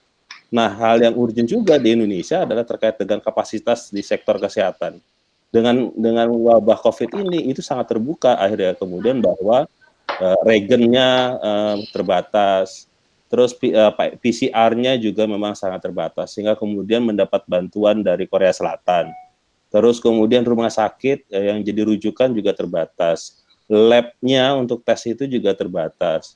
Laboratoriumnya yang tadinya 37 kemudian dikembangkan lagi jam 43 dan sebagainya itu juga terbatas. Waktunya juga terbatas sehingga kemudian kenapa kemudian uh, data jumlah pasien Indonesia rendah karena memang uh, uh, tes samplingnya juga rendah. Saya ingat sekali sekitar sebulan atau dua bulan lalu ketika di Korea Selatan itu eh, apa namanya soal yang tadi di melalui mobil itu klinik yang lewat mobil yang bisa sanggup 150 ribu per hari itu mestinya eh, ya dan terus kemudian jadi bahan pelajaran yang diterapkan oleh eh, Jawa Barat dengan rapid test. Tapi kan Jawa Barat melakukan rapid testnya itu kan dengan konteks yang tadi tes darah bukan uh, dengan PCR dengan swab test. Padahal itu yang jauh lebih penting. Nah itu akhirnya kebuka tuh bahwa ternyata kapasitas sektor kesehatan kita masih banyak uh, problem. Nah hal yang serius juga adalah soal distrust terhadap pemerintah karena pemerintah suaranya nggak konsisten, nggak transparan pula soal data. Nah itu yang kemudian orang uh, misalkan soal isu yang paling gampang adalah soal mudik. Mudik ini kan kelihatannya kan berapa bulan, berapa minggu yang lalu Pak Jokowi bilang uh, mudik tidak dilarang karena itu uh, berdampak uh, terhadap kelompok-kelompok uh, ekonomi yang memang kesulitan dia akan nggak ada jaminan soal itu. Nah sekarang dilarang mudik. Nah itu nah itu yang membuat kemudian banyak orang ragu terhadap itu. Nah, uh, Kang Hamid, saya sebenarnya melihat ada ada pola general ya hmm. yang kita bisa perhatikan dari uh, belajar di Korea dan juga di uh, Jerman, sebenarnya Indonesia itu sudah banyak mengadopsi beberapa aspek yang yang sudah ditiru ya. ya seperti Korea Selatan itu beberapa hal sudah ditiru ya, di, di, dari kebijakan Indonesia. Tapi pola-polanya itu yang menurut saya sudah bisa kebaca dan uh, mungkin ada pertimbangan-pertimbangan di pemerintah Indonesia sehingga kemudian tidak sanggup untuk mengikuti misalkan polanya Korea Selatan dengan melakukan tes massal karena kemampuannya juga sangat uh, lemah soal itu. Terus kemudian uh, soal lockdown, eh, pertimbangannya banyak dan sebagainya. Hmm. Jadi saya merasa ini aspek leadership ya, leadership dari pemerintah, uh, pemimpin politiknya, dan juga kapasitas pemerintahan dan organisasinya gitu. Nah uh, itu sih kira-kira yang bisa saya respon Kang Hamid. Mungkin nanti uh, kalau ada kesempatan uh, Mbak Ai ataupun Teh Yanti bisa menanggapi apa yang saya sampaikan. Terima kasih. Baik, uh, terima kasih Kang Adit, feedback yang jelas sekali. Perbandingan singkat dengan apa yang dilaksanakan oleh pemerintah Indonesia ya. Kita masih terseok-seok menangani uh, pandemi COVID-19 ini. Uh, Bapak Ibu yang ingin bertanya, silahkan ketik dulu di kolom chatting ya tulis aja bertanya nanti saya persilahkan. Uh, ini teh Yantinya uh, live group Kang Adit mungkin bisa dimasukkan uh, lagi ya. Iya iya ini dia bilang katanya nggak bisa masuk. Bentar bentar saya ini kan. Baik ini ada pertanyaan dari uh, Mbak Reskianti Widarti Mbak Kiki uh, bertanya. Uh, oh saya langsung persilakan aja pakai suara dan pakai video Mbak Kiki silakan.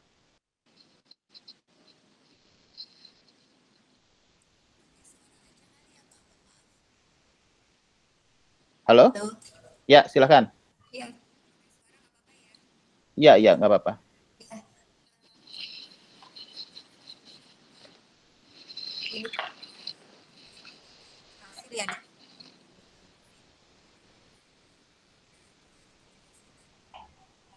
Nggak kedengeran itu Mbak Reski suaranya. Suaranya kecil sekali ya. Halo, halo. Suaranya kecil sekali nggak kedengeran.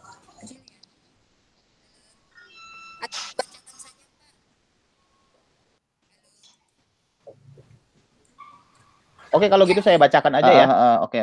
Uh, bertanya ke Mbak Nur Aisyah, keberhasilan Korsel dalam menangani COVID juga menjadi keberhasilan pemerintah Korsel dalam menyelenggarakan pemilu di tengah pandemi. Nah, boleh di-share nggak pelaksanaan pemilu di Korsel di tengah pandemi Corona? Langsung aja mungkin ya. Oke. Okay. Uh. Boleh, oke. Okay. Terima kasih banyak Mbak Reski, ya namanya ya. Terima kasih banyak untuk pertanyaannya. Oke, okay, uh, eh, jadi uh, baru minggu lalu uh, Korea uh, melakukan uh, pemilu ya, pemilu parlemen.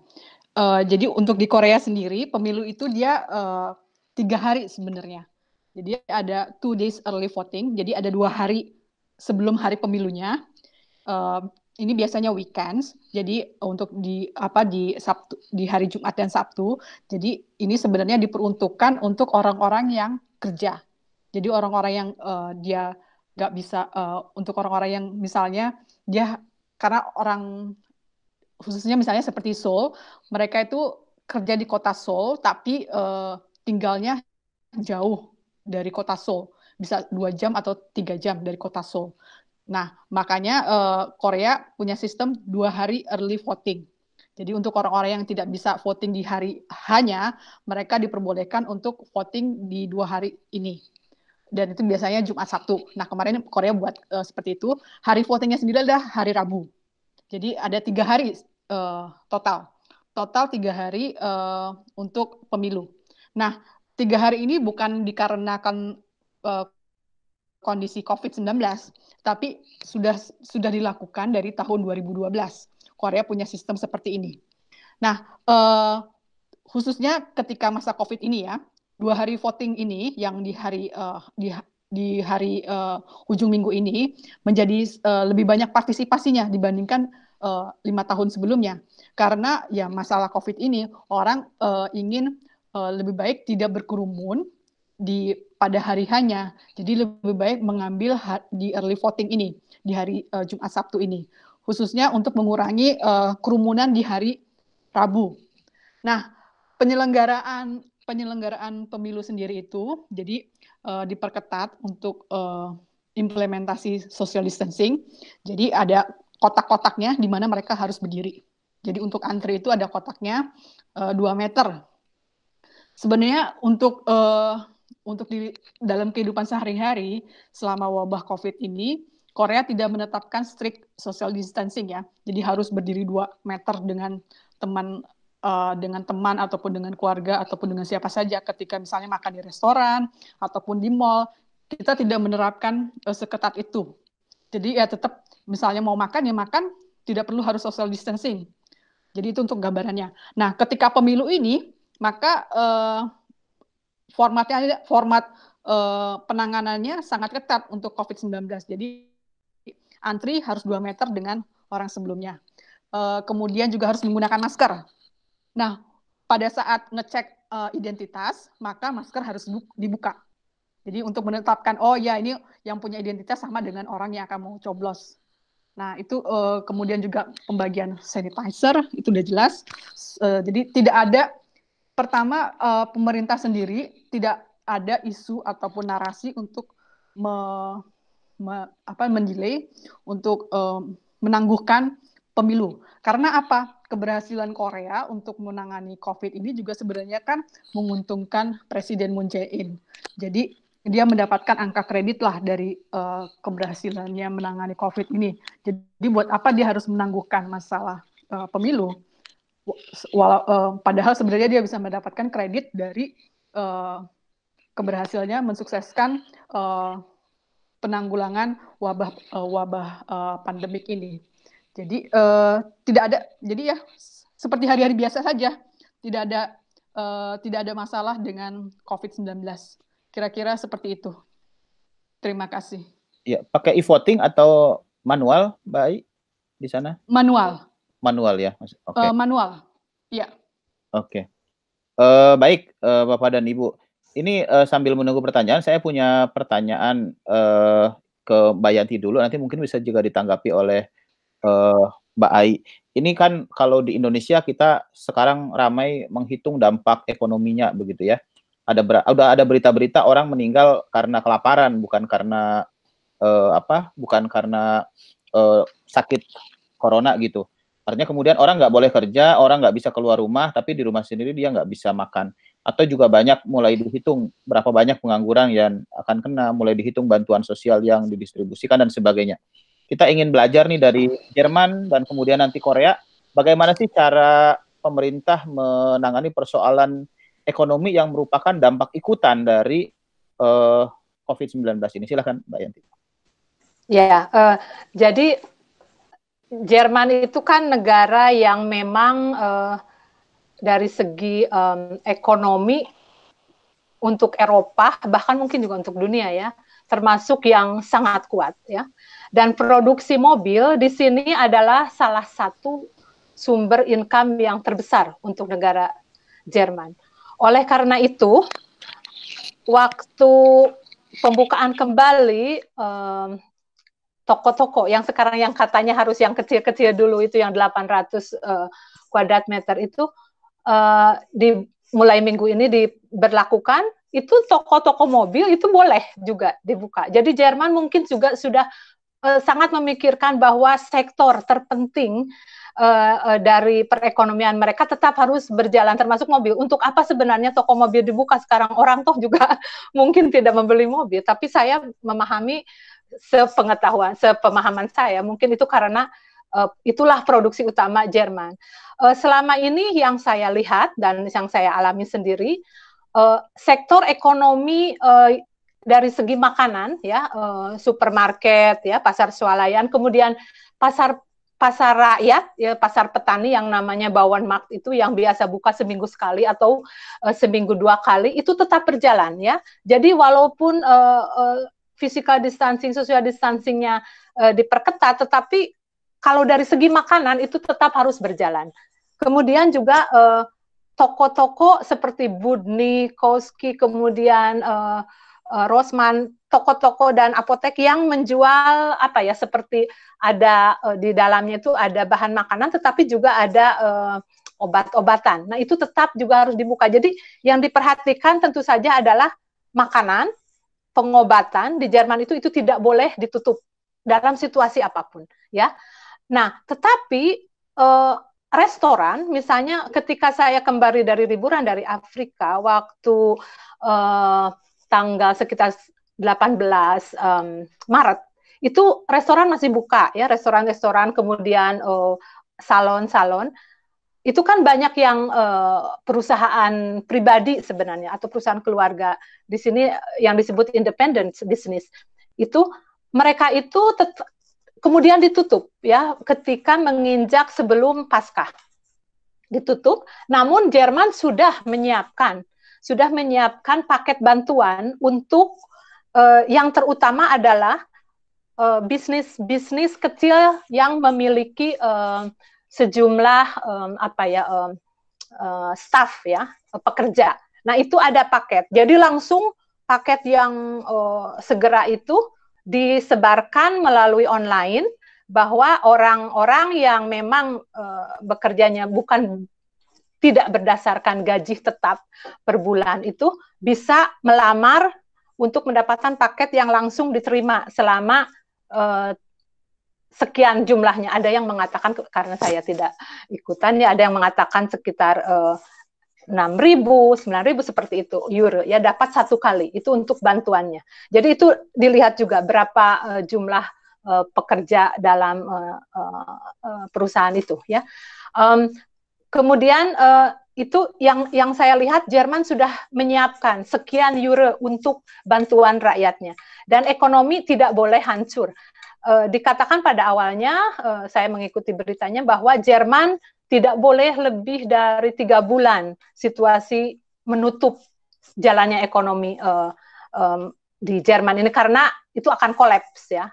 Siapa pun mungkin di negara mana pun kalau sudah lebih dari tiga bulan ekonomi tidak berjalan ya usaha uh, bisnis tidak berjalan itu negara-negaranya akan kolaps ya sejauh ini uh, keadaan saya lihat masih di bawah kontrol ya Jerman dan kemudian rumah sakit rumah sakit di sini kalau dibandingkan dengan negara-negara lain Italia, Spanyol dan sebagainya Jerman mempunyai jumlah uh, tempat uh, di rumah sakitnya tempat untuk pasien ya itu lebih banyak kalau Jerman ya dibandingkan dengan negara lain. Jadi Jerman siap juga membantu uh, pasien-pasien dari Italia dan sudah ada, sudah di, dirawat juga di sini, kemudian juga dari uh, Spanyol. Jadi kesiapan Jerman di situ juga tenaga-tenaga medisnya sudah siap dan saya dengar ya dari uh, mereka-mereka yang bekerja di bidang medis dari perawatan juga mereka mendapat uh, tambahan ya mendapat uh, kompensasi dari bekerja sangat banyak ya di atas 1000 euro uh, per bulannya. Jadi begitu. Jadi uh, cukup fair sebenarnya mereka-mereka yang bekerja sangat-sangat intensif selama masa corona ini mendapat uh, biaya tambahan atau mendapat istilahnya upah gaji tambahan dari pemerintah Jerman paket tambahan. Saya kira juga mungkin ini berlangsung untuk uh, berlaku untuk mereka-mereka yang bekerja di supermarket karena uh, yang kasir-kasir itulah termasuk para pahlawan yang juga tidak berhenti ya melayani para pembeli makanan. Dan itu kalau uh, saya lihat juga um, cadangan makanan yang untuk supermarket itu cukup sangat cukup sekali kecuali ada pengecualian. Dan saya pertama kali memang tertawa ini. Uh, toilet papers itu ya uh, tisu untuk di uh, kamar kecil itu memang cepat sekali menghilangnya ya. Beberapa kali misalkan saya ke uh, ke supermarket itu yang pertama kali selalu kosong itunya apa raknya tetapi kalau dari segi makanan itu cukup sangat mencukupi di Jerman ini Baik, ya, uh, terima kasih uh, Bu Yanti. Jadi dari aspek ekonomi uh, pandemi ini mulai menurun, tapi uh, ekonomi nggak kolaps ya itu yang memang kita harus. Iya belum kolaps. Uh, Mas mungkin boleh, bisa boleh, bisa tanyakan kepada uh, Yasper mahasiswa saya tentang bagaimana uh, bantuan uh, untuk mahasiswa. Mungkin mereka juga kalau boleh, mau Yasper. dilengkapi. Yasper? Oke, silakan teman-teman uh, Jerman kalau ada yang ingin menanggapi. Halo. Ya, ya. ya. Um, ya saya uh, saya hanya um, dapat bantuan uh, bantuan seperti BAföG mm -hmm. karena saya masih bisa um, kerja di di supermarket. Mungkin anda harus uh, tanya mahasiswa lain. Coba siapa yang bisa mungkin yang kalau Adi, Yasper kan bekerja di supermarket ya? Ya ya, saya masih bisa kerja. Uh-huh. Ada yang lain yang misalkan tidak bisa kerja, kemudian tapi mendapat bantuan dari pemerintah?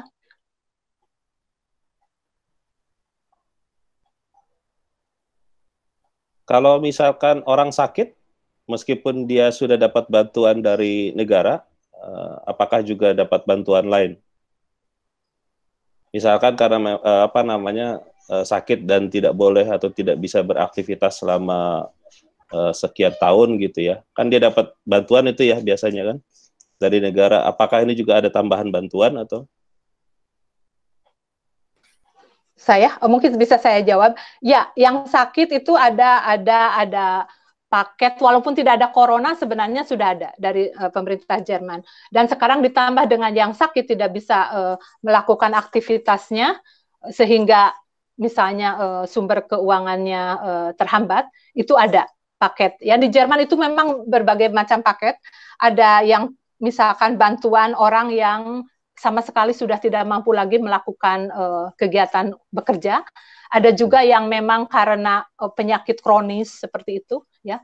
Ada juga yang pengangguran ataupun orang-orang wis, tunawisma ya. Jadi berbagai macam. Nah sekarang saat corona ini bantuannya bertambah. Misalnya uh, uh, tunawisma yang biasanya siang hari ya uh, atau malam hari tidak mempunyai tempat tidur.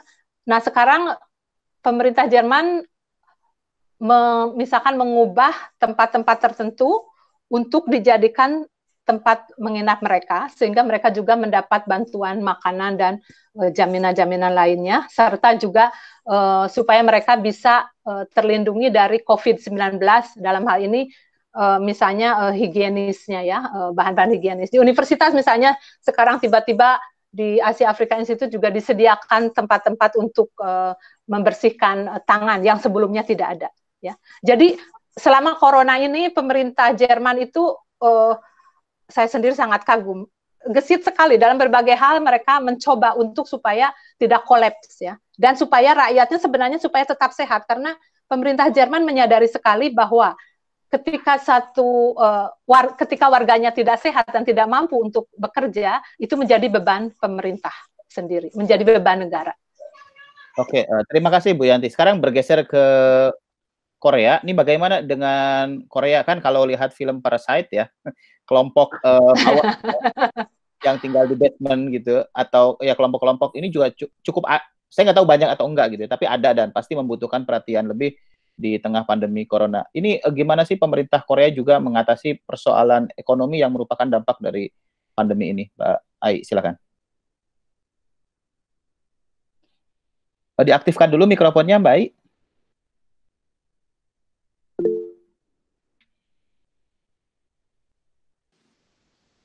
Oke, terima kasih. Uh, sama seperti yang dilakukan oleh Jerman, jadi uh, Korea juga punya bantuan-bantuan. Uh, kalau saya lihat ada dua macam. Pertama ada bantuan dari pemerintah pusat, uh, itu diberikan untuk seluruh uh, keluarga yang terdampak. Jadi ini mereka mendapatkan 100 ribu won per bulan. Uh, bagi keluarga mungkin ada uh, untuk keluarga yang berpenghasilan tertentu. Hmm. Saya kurang tahu pastinya, tapi jadi nggak semua orang mendapatkan bantuan ini. Uh, hanya hanya beberapa hanya beberapa kategori saja yang mendapatkan bantuan. Jadi kalau yang konglomerat, cebol-cebol itu tentu saja mereka tidak mendapatkan bantuan. Kemudian yang kedua adalah bantuan provinsi. Jadi masing-masing negara bagian itu mereka uh, seperti Gyeonggi, Gyeonggi uh, ada beberapa negara bagian, beberapa provinsi memberikan bantuan kepada warganya, khususnya untuk warga yang miskin lagi. Nah, selain itu juga yang menarik adalah Korea juga uh, pemerintah Korea ini memberikan jaminan jadi artinya uh, buat orang-orang yang mereka tidak uh, yang mereka kehilangan pekerjaannya, misalnya seperti tempat les ya, tempat les itu Hagwon namanya di sini, itu kan bisnisnya uh, mereka yang terdampak langsung dengan kasus COVID ini. Mereka harus ditutup selama hampir udah hampir tiga bulan ini. Hmm. Uh, pemerintah menerapkan aturan hukum bahwa mereka guru-guru ini yang mengajar di sana, uh, mereka tetap harus dibayarkan gajinya se sebesar 70 persen Nah, uh, jadi ini nggak hanya khusus untuk uh, untuk uh, tempat-tempat les aja, tapi juga untuk perusahaan-perusahaan lainnya. Artinya uh, artinya bisa dilihat sebenarnya di sini Korea ini merupakan salah uh, salah satu yang serikat pekerjanya sangat kuat dibandingkan misalnya di Indonesia ataupun di negara-negara lain. Jadi pemerintah memberikan jaminan uh, kalau ada perusahaan-perusahaan yang tidak membayarkan kompensasi uh, mereka bisa dituntut secara hukum. Kecuali misalnya ada kasus kalau company-nya memang sudah bangkrut, nggak punya uang lagi. Tapi uh, itu ada jalur hukumnya sendiri. Uh, dia harus menempuh jalur hukum bahwa membuktikan bahwa perusahaannya bangkrut, nggak bisa membayarkan kompensasi uh, COVID-19 ini. Nah, uh, saya pikir inilah yang membedakan dengan misalnya di Indonesia, yang di Indonesia pemerintah mungkin nggak bisa mengejar perusahaan untuk memberikan jaminan bahwa biarpun mereka uh, pegawai-pegawai ini yang terdampak langsung dari COVID-19, uh, mereka harus tetap diberikan gaji, diberikan kompensasi atas uh, COVID-19 ini. Nah, saya pikir itu mungkin jadi tambahan yang menarik dari dari yang kasus Jerman. Selebihnya saya pikir sama dengan apa yang sudah sudah dijelaskan oleh Mbak Yanti. Terima kasih.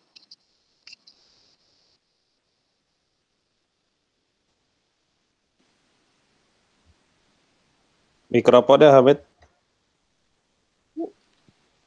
Ya, uh, baik langsung saja uh, Mbak Esther Bleskadit silakan. Ya. Halo. Silakan. Ya, ya silakan. Kedengaran nggak ya? Kedengaran ya? Ya. ya. Oh ya. Dengar. Baik. Ya, nama saya Esther. Um, saya ingin uh, bertanya kepada Mbak Mbak Aisyah tentang bagaimana proses belajar mengajar di Korea Selatan. Maksudnya sistem atau maksudnya sekolah. Seperti yang uh, Teh Yanti tadi mengatakan kalau di Jerman setelah ada lockdown itu langsung semua sekolah-sekolah ditutup dan sampai sekarang uh, apa namanya mulai mulai sekolah-sekolah mulai dibuka tapi um, bertahap. Jadi mulai dari SMA terus nanti bulan Mei sekolah dasar dan selanjutnya. Terus uh, yang ya yang saya ingin tanyakan bagaimana dengan uh, sistem sekolah di Korea? Silakan Mbak Oke terima kasih Mbak Esther. Jadi untuk sekolah sendiri uh, di Korea ya uh, tadi uh, saya sudah jelaskan dari 28 Februari uh, sekolah internasional sudah diliburkan. Sekolah internasional sekolah lokal uh, mulai diliburkan mulai bulan Maret karena mereka memang waktu itu sudah lagi masa libur, lagi masa libur naik kelas. Jadi mereka punya libur panjang. Uh, dari 28 Februari sekolah internasional sudah diliburkan uh, melalui jadi pelajarannya online. Sementara Hagwon yang kursus-kursus uh, uh, bahasa Inggris atau kursus matematika itu juga sudah diliburkan dari tanggal 28 Februari. Semuanya dialihkan ke pelajaran online. Jadi uh, ya menggunakan sistem seperti Zoom ataupun uh, Google Meet ini uh, termasuk juga di kuliahan. Di perkuliahan baru dimulai itu sebenarnya pada tanggal 10 Maret. Tapi itu pun uh, semua perkuliahan dilakukan secara online. Dari dari tanggal 28 Februari sampai hari ini uh, sekolah baik dari sekolah SD, TK sampai kuliah masih dilakukan uh, dengan cara online. Jadi masih kemungkinan besar uh, sekolah akan baru dimulai pada tanggal 9 Mei. Tapi untuk uh, sekolah lokal, uh, pemerintah akan sepertinya akan terus hingga satu semester ini, hingga sampai bulan Juni, untuk melakukan pembelajaran online. Jadi kira-kira seperti itu. Tetap pemerintah sangat berhati-hati membuka uh, sekolah, karena walaupun kasusnya sudah uh, di bawah 10 setiap harinya, uh, pemerintah tidak ingin ada hmm. uh, gelombang baru. Demikian. Mudah-mudahan menjawab okay. pertanyaan Mbak Esther. Terima kasih. Baik, uh, Om Adit, silakan. Ada pertanyaan tadi katanya? Iya, uh, saya mau tanya sama Mbak Ais sama Teh Yanti. Uh, kalau di Jerman sama Korea Selatan itu ada nggak kelompok uh, yang resisten terhadap apa yang dilakukan oleh pemerintah? Jadi entah ada di parlemen, partai politik atau siapa pun itu, kira-kira ada nggak yang menyatakan pendapat apa yang dilakukan pemerintah salah, nggak benar atau apa pun itu? Silakan Mbak Aisyah dulu mungkin. Oh oke, okay. oke. Okay. Uh, eh, sebenarnya uh, di Korea ini ada dua ya, dua partai. Jadi partainya Moon Jae-in, Demokratik, dan partainya Konservatif. Uh, partainya Konservatif ini yang si Park Geun-hye, jadi dia yang menangani wabah MERS. Uh, makanya hmm. uh, sekarang ini kemenangannya Moon Jae-in ini dianggap kemenangan Partai Demokrat. Uh, makanya si Moon Jae-in ini nggak mau menangguhkan uh, pemilu. Tidak ada narasi untuk menangguhkan hmm. pemilu. Nah, uh, tentu saja ada uh, perlawanan dari partai oposisi ini yang terus menerus mengkritisi kebijakan pemerintah. Waktu itu terutama pada masalah uh, ketika Korea naik uh, naik-naiknya ya, waktu setiap hari naik 100, 200, 300. Ini partai oposisi selalu bilang menyatakan bahwa ini gara-gara Moon Jae-in ini dia takluk sama Cina. Dia nggak berani sama Cina. Makanya uh, apa uh, Korea itu terlambat uh, menahan orang orang-orang yang berasal dari Cina. Jadi untuk menutup border itu terlambat sebenarnya Korea uh, dianggap sama si oposisi ini. Harusnya uh, harusnya pemerintah sudah menutup border itu dari awal-awal Januari Uh, cuman kan Munjain ini Presiden Munjain ini dia tidak mau, dia masih uh, mungkin baru di awal Februari baru menutup border dengan Wuhan dan Cina. Nah, itulah dipakai sama si oposisi untuk melakukan uh, kritik terhadap pemerintah. Kemudian juga misalnya uh, dari uh, yang populis dari uh, tokoh pendeta karena waktu itu uh, pemerintah menutup gereja-gereja ini uh, si oposisi ini dia uh, pendeta dia juga ya sama seperti di Indonesia kenapa gereja harus ditutup? Kita tidak takut pada uh, virus kita hanya takut pada Tuhan. Seperti itulah. Jadi mengeluarkan narasi-narasi keagamaan. Uh, dan dia bahkan ingin berdemonstrasi mengumpulkan massa. Mengumpulkan massa di depan balai kota. Dan waktu itu uh, di handphone saya tuh udah berdering dari jam mungkin dari jam 8 dilarang demonstrasi di City Hall uh, di depan uh, balai kota karena pada masa itu si tokoh populisnya si pendeta itu dia memang ingin mengadakan demonstrasi untuk mengkritisi kebijakan pemerintah. Jadi ingin uh, mendapatkan suara. Jadi seperti jualan lah biar si uh, apa uh, pemerintah saat ini dianggap tidak layak, dianggap tidak sukses menangani kasus COVID-19. Jadi seperti samalah di Indonesia uh, seperti di Indonesia. Jadi uh, tapi yang jelas kalau menurut saya uh, Moon Jae-in ini presiden maupun uh, perdana menterinya walaupun diguncang oleh berbagai oposisi dengan narasi-narasi uh, yang berbeda-beda, tapi mereka tetap fokus. Jadi fokus menyelesaikan permasalahan. Jadi mereka mau dibilang apa ini uh, si oposisi uh, bahkan si pendeta ini yang berdemonstrasi dia tangkap dan dipenjarakan karena melanggar kebebasan uh, melanggar tentang uh, tentang uh, demonstrasi di tempat umum karena pada saat itu kan sudah darurat darurat kesehatan. Jadi pemerintah sendiri memainkan otoritasnya bahwa ini kita tidak bukan masalah politik, tapi ini masalah kemaslahatan umat. Jadi benar-benar pemerintah membuat membuat framework bahwa ini masalah politik dan masalah politik ini tidak boleh mengganggu masalah pencegahan penanggulangan wabah COVID-19.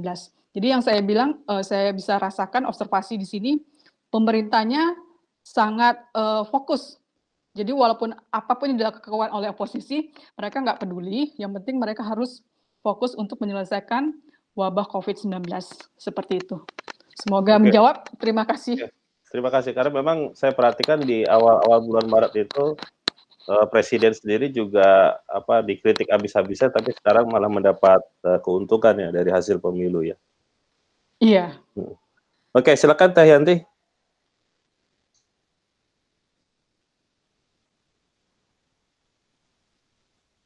Mic-nya dijalakan dulu Teh. Ya, ada ada kemiripan juga dengan di uh, Korea bahwa um, konsentrasi dari semua pihak, termasuk uh, partai-partai politik uh, di Jerman adalah sekarang terhadap corona. Jadi kalau saya perhatikan, seperti kita ketahui bersama bahwa di Jerman ini yang yang uh, sedang berkuasa istilahnya adalah partai CDU, ya, kemudian uh, ada SPD sebagai uh, oposisinya. Kemudian kita juga ada Grune dan AFD yang termasuk kanan itu. Tapi saya tidak uh, yang saya lihat dominannya itu sekarang itu memang kepemimpinan Ibu Angela Merkel karena dia dia itu sangat uh, present, dia sangat terasa hadir uh, dalam apa menyosialisasikan dalam uh, menginformasikan apa yang harus dilakukan oleh warga Jerman ya jadi uh, Angela Merkel itu juga bisa saya lihat uh, anggap sebagai link ya, uh, sebagai jembatan penghubung antara antara pemerintah ya dengan um, Robert Koch Institute ya ilmuwan-ilmuwan uh, tenaga-tenaga riset yang semuanya fokus uh, kepada kepada uh, kasus pandemi uh, COVID-19 ini. Tetapi tentu saja partai-partai uh, oposisi tetap tetap uh, bergerak. Cuma itu dalam dalam istilahnya mereka itu selalu ada online apa ya uh, online meeting seperti itu ya. Uh, tapi itu diskusinya memang ada di belakang kita sebagai masyarakat. Saya sendiri terus terang saja tidak tidak tidak mengetahui secara detail uh, apa bentuk kritik-kritik apa yang mereka lemparkan. Tetapi yang jelas yang muncul sekarang adalah kesan saya adalah ke apa ya ada ada kekompakan ada dominasi dari pemerintah uh, dalam menanggulangi ini. Dan kepercayaannya terlihat sangat tinggi baik dari masyarakat maupun pihak-pihak uh, uh, partai-partai oposisi misalnya ya. Uh, uh, yang saya lihat juga misalnya Ibu Merkel ini Angela Merkel itu berbicara oke okay, sekarang kita akan melonggarkan uh, apa lockdown ini atau uh, yang namanya Ausgangssperre. Tetapi mohon anda anda tetap apa uh, menjaga jarak dan sebagainya itu sampai hal-hal yang yang detail kecil saja itu juga uh, pemerintah dalam hal ini Ibu Angela Merkel sangat uh, sangat terlihat ya ada dan kritik-kritik lain uh, saya kira sekarang banyak yang tenggelam ya karena uh, kemarin itu sempat juga ada masalah lain misalnya bagaimana ini ada anak-anak imigran sebanyak berapa 50 sekitar itu uh, yang harus diterima oleh Jerman. Nah, berhubung dengan uh, kondisi pandemik ini ya hanya anak-anaknya saja yang diambil ya orang tuanya tidak misalnya ya yang diurus. Nah, itu juga masuk sih ke situ, tetapi itu seperti tidak terlalu terlalu banyak tantangan dan sebagainya itu seperti kompak saja oke okay, diambil dan di, di, ditangani ya itu supaya apa eh, anak-anak itu langsung di karantina yang 50 itu tidak bisa orang tuanya dibawa karena kewalahan istilahnya Jerman. Dan yang saya lihat kita tidak bisa hanya kalau berbicara tentang politik uh, penanggulangan COVID-19 ini hanya hanya Jerman saja yang dilihat karena Jerman itu juga seperti istilahnya pemimpin untuk uh, Uni Eropa. Jadi kerjasama antara pemerintah Jerman dengan pemerintah Uni Eropa itu terus ya terus berlangsung. Dan ini ada ada berhubungan juga dengan uh, pembatasan. Misalkan sejauh mana pembatasan yang harus dilakukan. Apa saja apakah uh, saatnya sekarang misalkan pengendara mobil itu boleh masuk atau tidak dari daerah tetangga atau tidak. Nah misalnya ada juga sempat semasa pandemi corona ini uh, di apa ada masalah lain ya muncul ketika petani-petani Jerman kekurangan tenaga uh, untuk uh, memetik uh, strawberry atau untuk memetik misalkan apel ya untuk memetik hasil-hasil uh, hasil-hasil um, pertanian Jerman karena kekurangan kekurangan buruh ya. Nah, Jerman mengundang ya, mengundang dari uh, uh, dari dua negara Macedonia uh, apa aduh maaf saya lupa. Pokoknya ada dari dua negara uh, di Eropa ini untuk mereka supaya datang ke sini walaupun ada ada pandemi ya. Uh, dan itu ketika sampai para buruh itu ketika sampai di Jerman dicek tentu saja dicek. Kemudian mereka dipisahkan. Para buruh yang sudah lama berada di Jerman yang membantu uh, uh, memetik hasil-hasil pertanian dengan yang baru itu dipisahkan tetapi mereka bekerja. Seperti itu. Jadi di sini saya lihat uh, argumentasinya itu sangat walaupun ada ya kritikan-kritikan uh, itu cepat di, di diselesaikan. Ya karena saya kira uh, semuanya terfokus pada satu hal di sini. Semua partai-partai uh, politik di Jerman terhadap pemberan uh, bukan pemberantasan cara mengatasi uh, sebaik-baiknya uh, penyebaran COVID-19 ini. Mungkin Oke. itu. Terima kasih Teh Yati. Uh, itu menarik sekali kan artinya memang kita bisa belajar dari kondisi apa yang terjadi di Korea Selatan dan di Jerman uh, aspek leadership dan kekompakan uh, elit politik itu menjadi sangat penting ya. Karena menurut saya itu yang uh, menjadi sorotan di uh, Indonesia hari ini terutama aspek transparansi data ya yang kemudian uh, menjadi isu krusial eh, apa namanya dari hubungannya pemerintah daerah sama pemerintah pusat. Ya, misalkan belakangan ini baru saja Pak Jokowi itu membuka semua data eh, tentang apa pasien-pasien corona itu. Sebelum-sebelumnya relatif eh, tidak mau terbuka soal itu. Nah itu menurut saya apa namanya mungkin eh, berbeda ya bagaimana apa yang dilakukan oleh uh, Angela Merkel dan juga Presiden Korea. Nah uh, kita masih ada satu pertanyaan ya, uh, Kang Hamid ya dari teman Karena ini ya. tentang dampak pariwisata ini. Kebetulan di sini ada salah satu kawan ya, Kang Hamid, yang juga kerja di Kementerian Pariwisata, Ibu Ulil, Aulia, bisa bantu nggak ini? Kira-kira ada yang mau tanya nih tentang dampak pariwisata di Indonesia, terutama di Bali itu kayak apa ya? Mungkin bisa kasih sedikit gambaran. Atau ada, Pak Cecep aja Cecep. itu ada. Wah, ini oh. ada ke, ke, kepala biro nih. Pak Cecep, Bu Kendi. Pak Cecep atau Bu Aulia nih. Bisa dengar? Waduh, nggak ada ini. Ya, hadir. Hadir. Punten tadi sambil meeting, tadi Pak Cecep ada. Silakan ada pertanyaan sebenarnya dampak corona itu ke pariwisata seperti apa? Misalkan di Bali itu seperti apa, Bu Ulil? Eh, yang jelas sih kalau uh, dampak pariwisata ke Bali kan ini kan sudah ditutup semua ya, udah uh, temporary travel ban untuk wisatawan mancanegara yang datang ke Indonesia. Wisatawan dari Jerman atau Korea, terutama Korea ya, itu lima besar uh, penyumbang wisatawan mancanegara terbanyak ke Indonesia, itu langsung pasti langsung menurun drastis gitu uh, untuk angkanya harus uh, kita cek dulu ya. Yang jelas uh, industri pariwisata sudah yang uh, bisa dibilang yang paling terdampak uh, dari pandemi COVID ini. Seperti itu. Oke. Oke, terima kasih Bu Aulia, Bu Ulil. Silakan Om Hamid.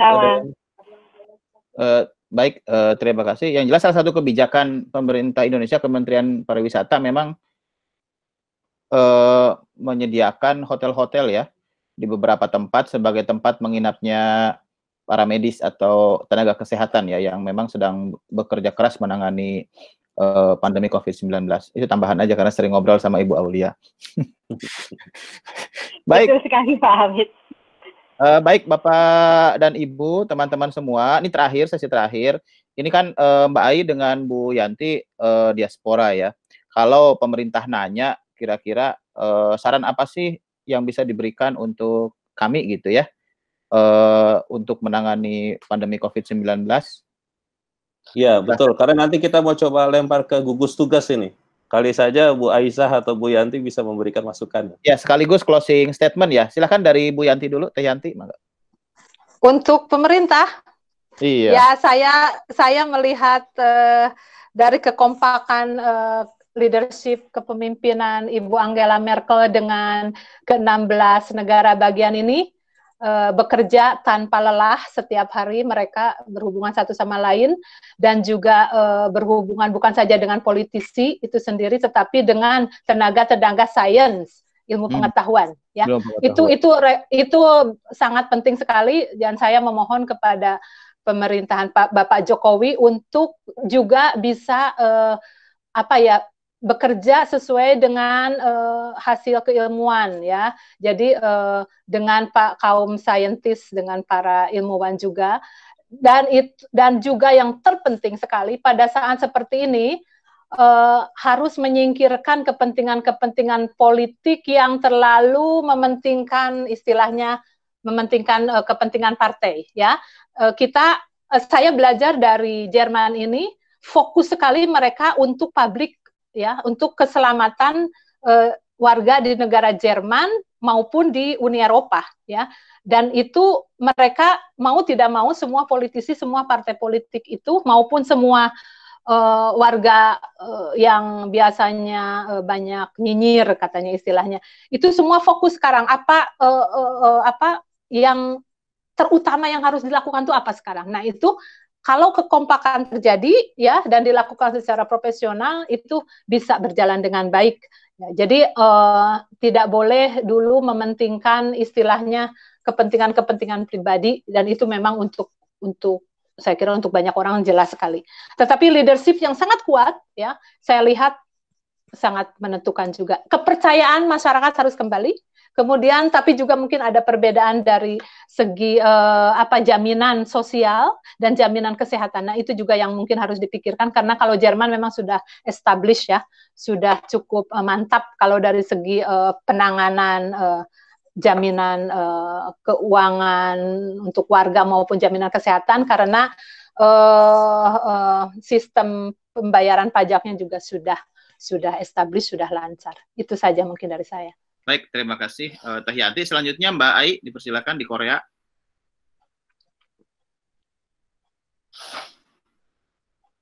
Uh, mic-nya, Oke, okay. uh, saya punya dua poin. Yang pertama tadi sudah dijelaskan oleh Mbak Yanti juga. Uh, uh, saya tekankan kembali untuk pemerintah Indonesia percayalah pada saintis, percaya pada ilmu pengetahuan itu yang sangat penting. Ketika ilmu pengetahuan yang menjadi uh, penggerak, maka kita akan bisa menangani wabah COVID ini jauh lebih cepat dibandingkan hanya pada hanya pada uh, dorongan uh, politik ataupun dorongan kekuasaan. Itu yang pertama. Yang kedua adalah fokus pada masalah, get the things done. Itu aja. Ketika misalnya ada suara-suara kritik, tapi pemerintah tetap pada fokus pada masalah, get the things done, maka oposisi itu pun juga akan bertekuk lutut ketika yang dilakukan pemerintah adalah menjadi jalan menjadi solusi yang terbaik dari segala macam solusi. Saya pikir dua poin itu yang sangat penting untuk Indonesia saat ini. Terima kasih. Ya, baik. Terima kasih Mbak Ai. Selanjutnya dari Om Adit, silahkan. Saya pikir sudah cukup memadai lah. Apa yang di-highlight oleh Mbak Ai sama Teh Yanti sudah uh, sangat jelas ya poin-poinnya dan kita uh, dari hasil diskusi selama satu jam lebih ini kita sudah bisa melihat aspek itu juga sih. Kira-kira itu, Kang Hamid silakan. Ya baik, uh, terima kasih uh, Mbak Ai, Teh Yanti ya. uh, kita diskusi. Terima kasih juga. Ya, terima kasih sudah satu jam setengah lebih kita berdiskusi dan saya pikir ada banyak hal yang bisa kita pelajari dari Korea dan dari Jerman yang uh, seharusnya juga bisa menjadi uh, dorongan agar pemerintah bisa bekerja lebih baik lagi. Uh, hasil dari diskusi ini akan ditampilkan di akun YouTube kami, The Speed Doctors. Nanti kita akan kirim linknya sehingga bisa menjadi pembelajaran untuk masyarakat yang lebih luas. Terima kasih, kita tutup diskusi ini. Assalamualaikum warahmatullahi wabarakatuh. Terima kasih semuanya. Waalaikumsalam warahmatullahi wabarakatuh. Terima kasih. Terima kasih. Cheers. Auf Wiedersehen Adit, auf Wiedersehen Mas ya. Mari. Auf Wiedersehen. Tschüss, tschüss. Cheers.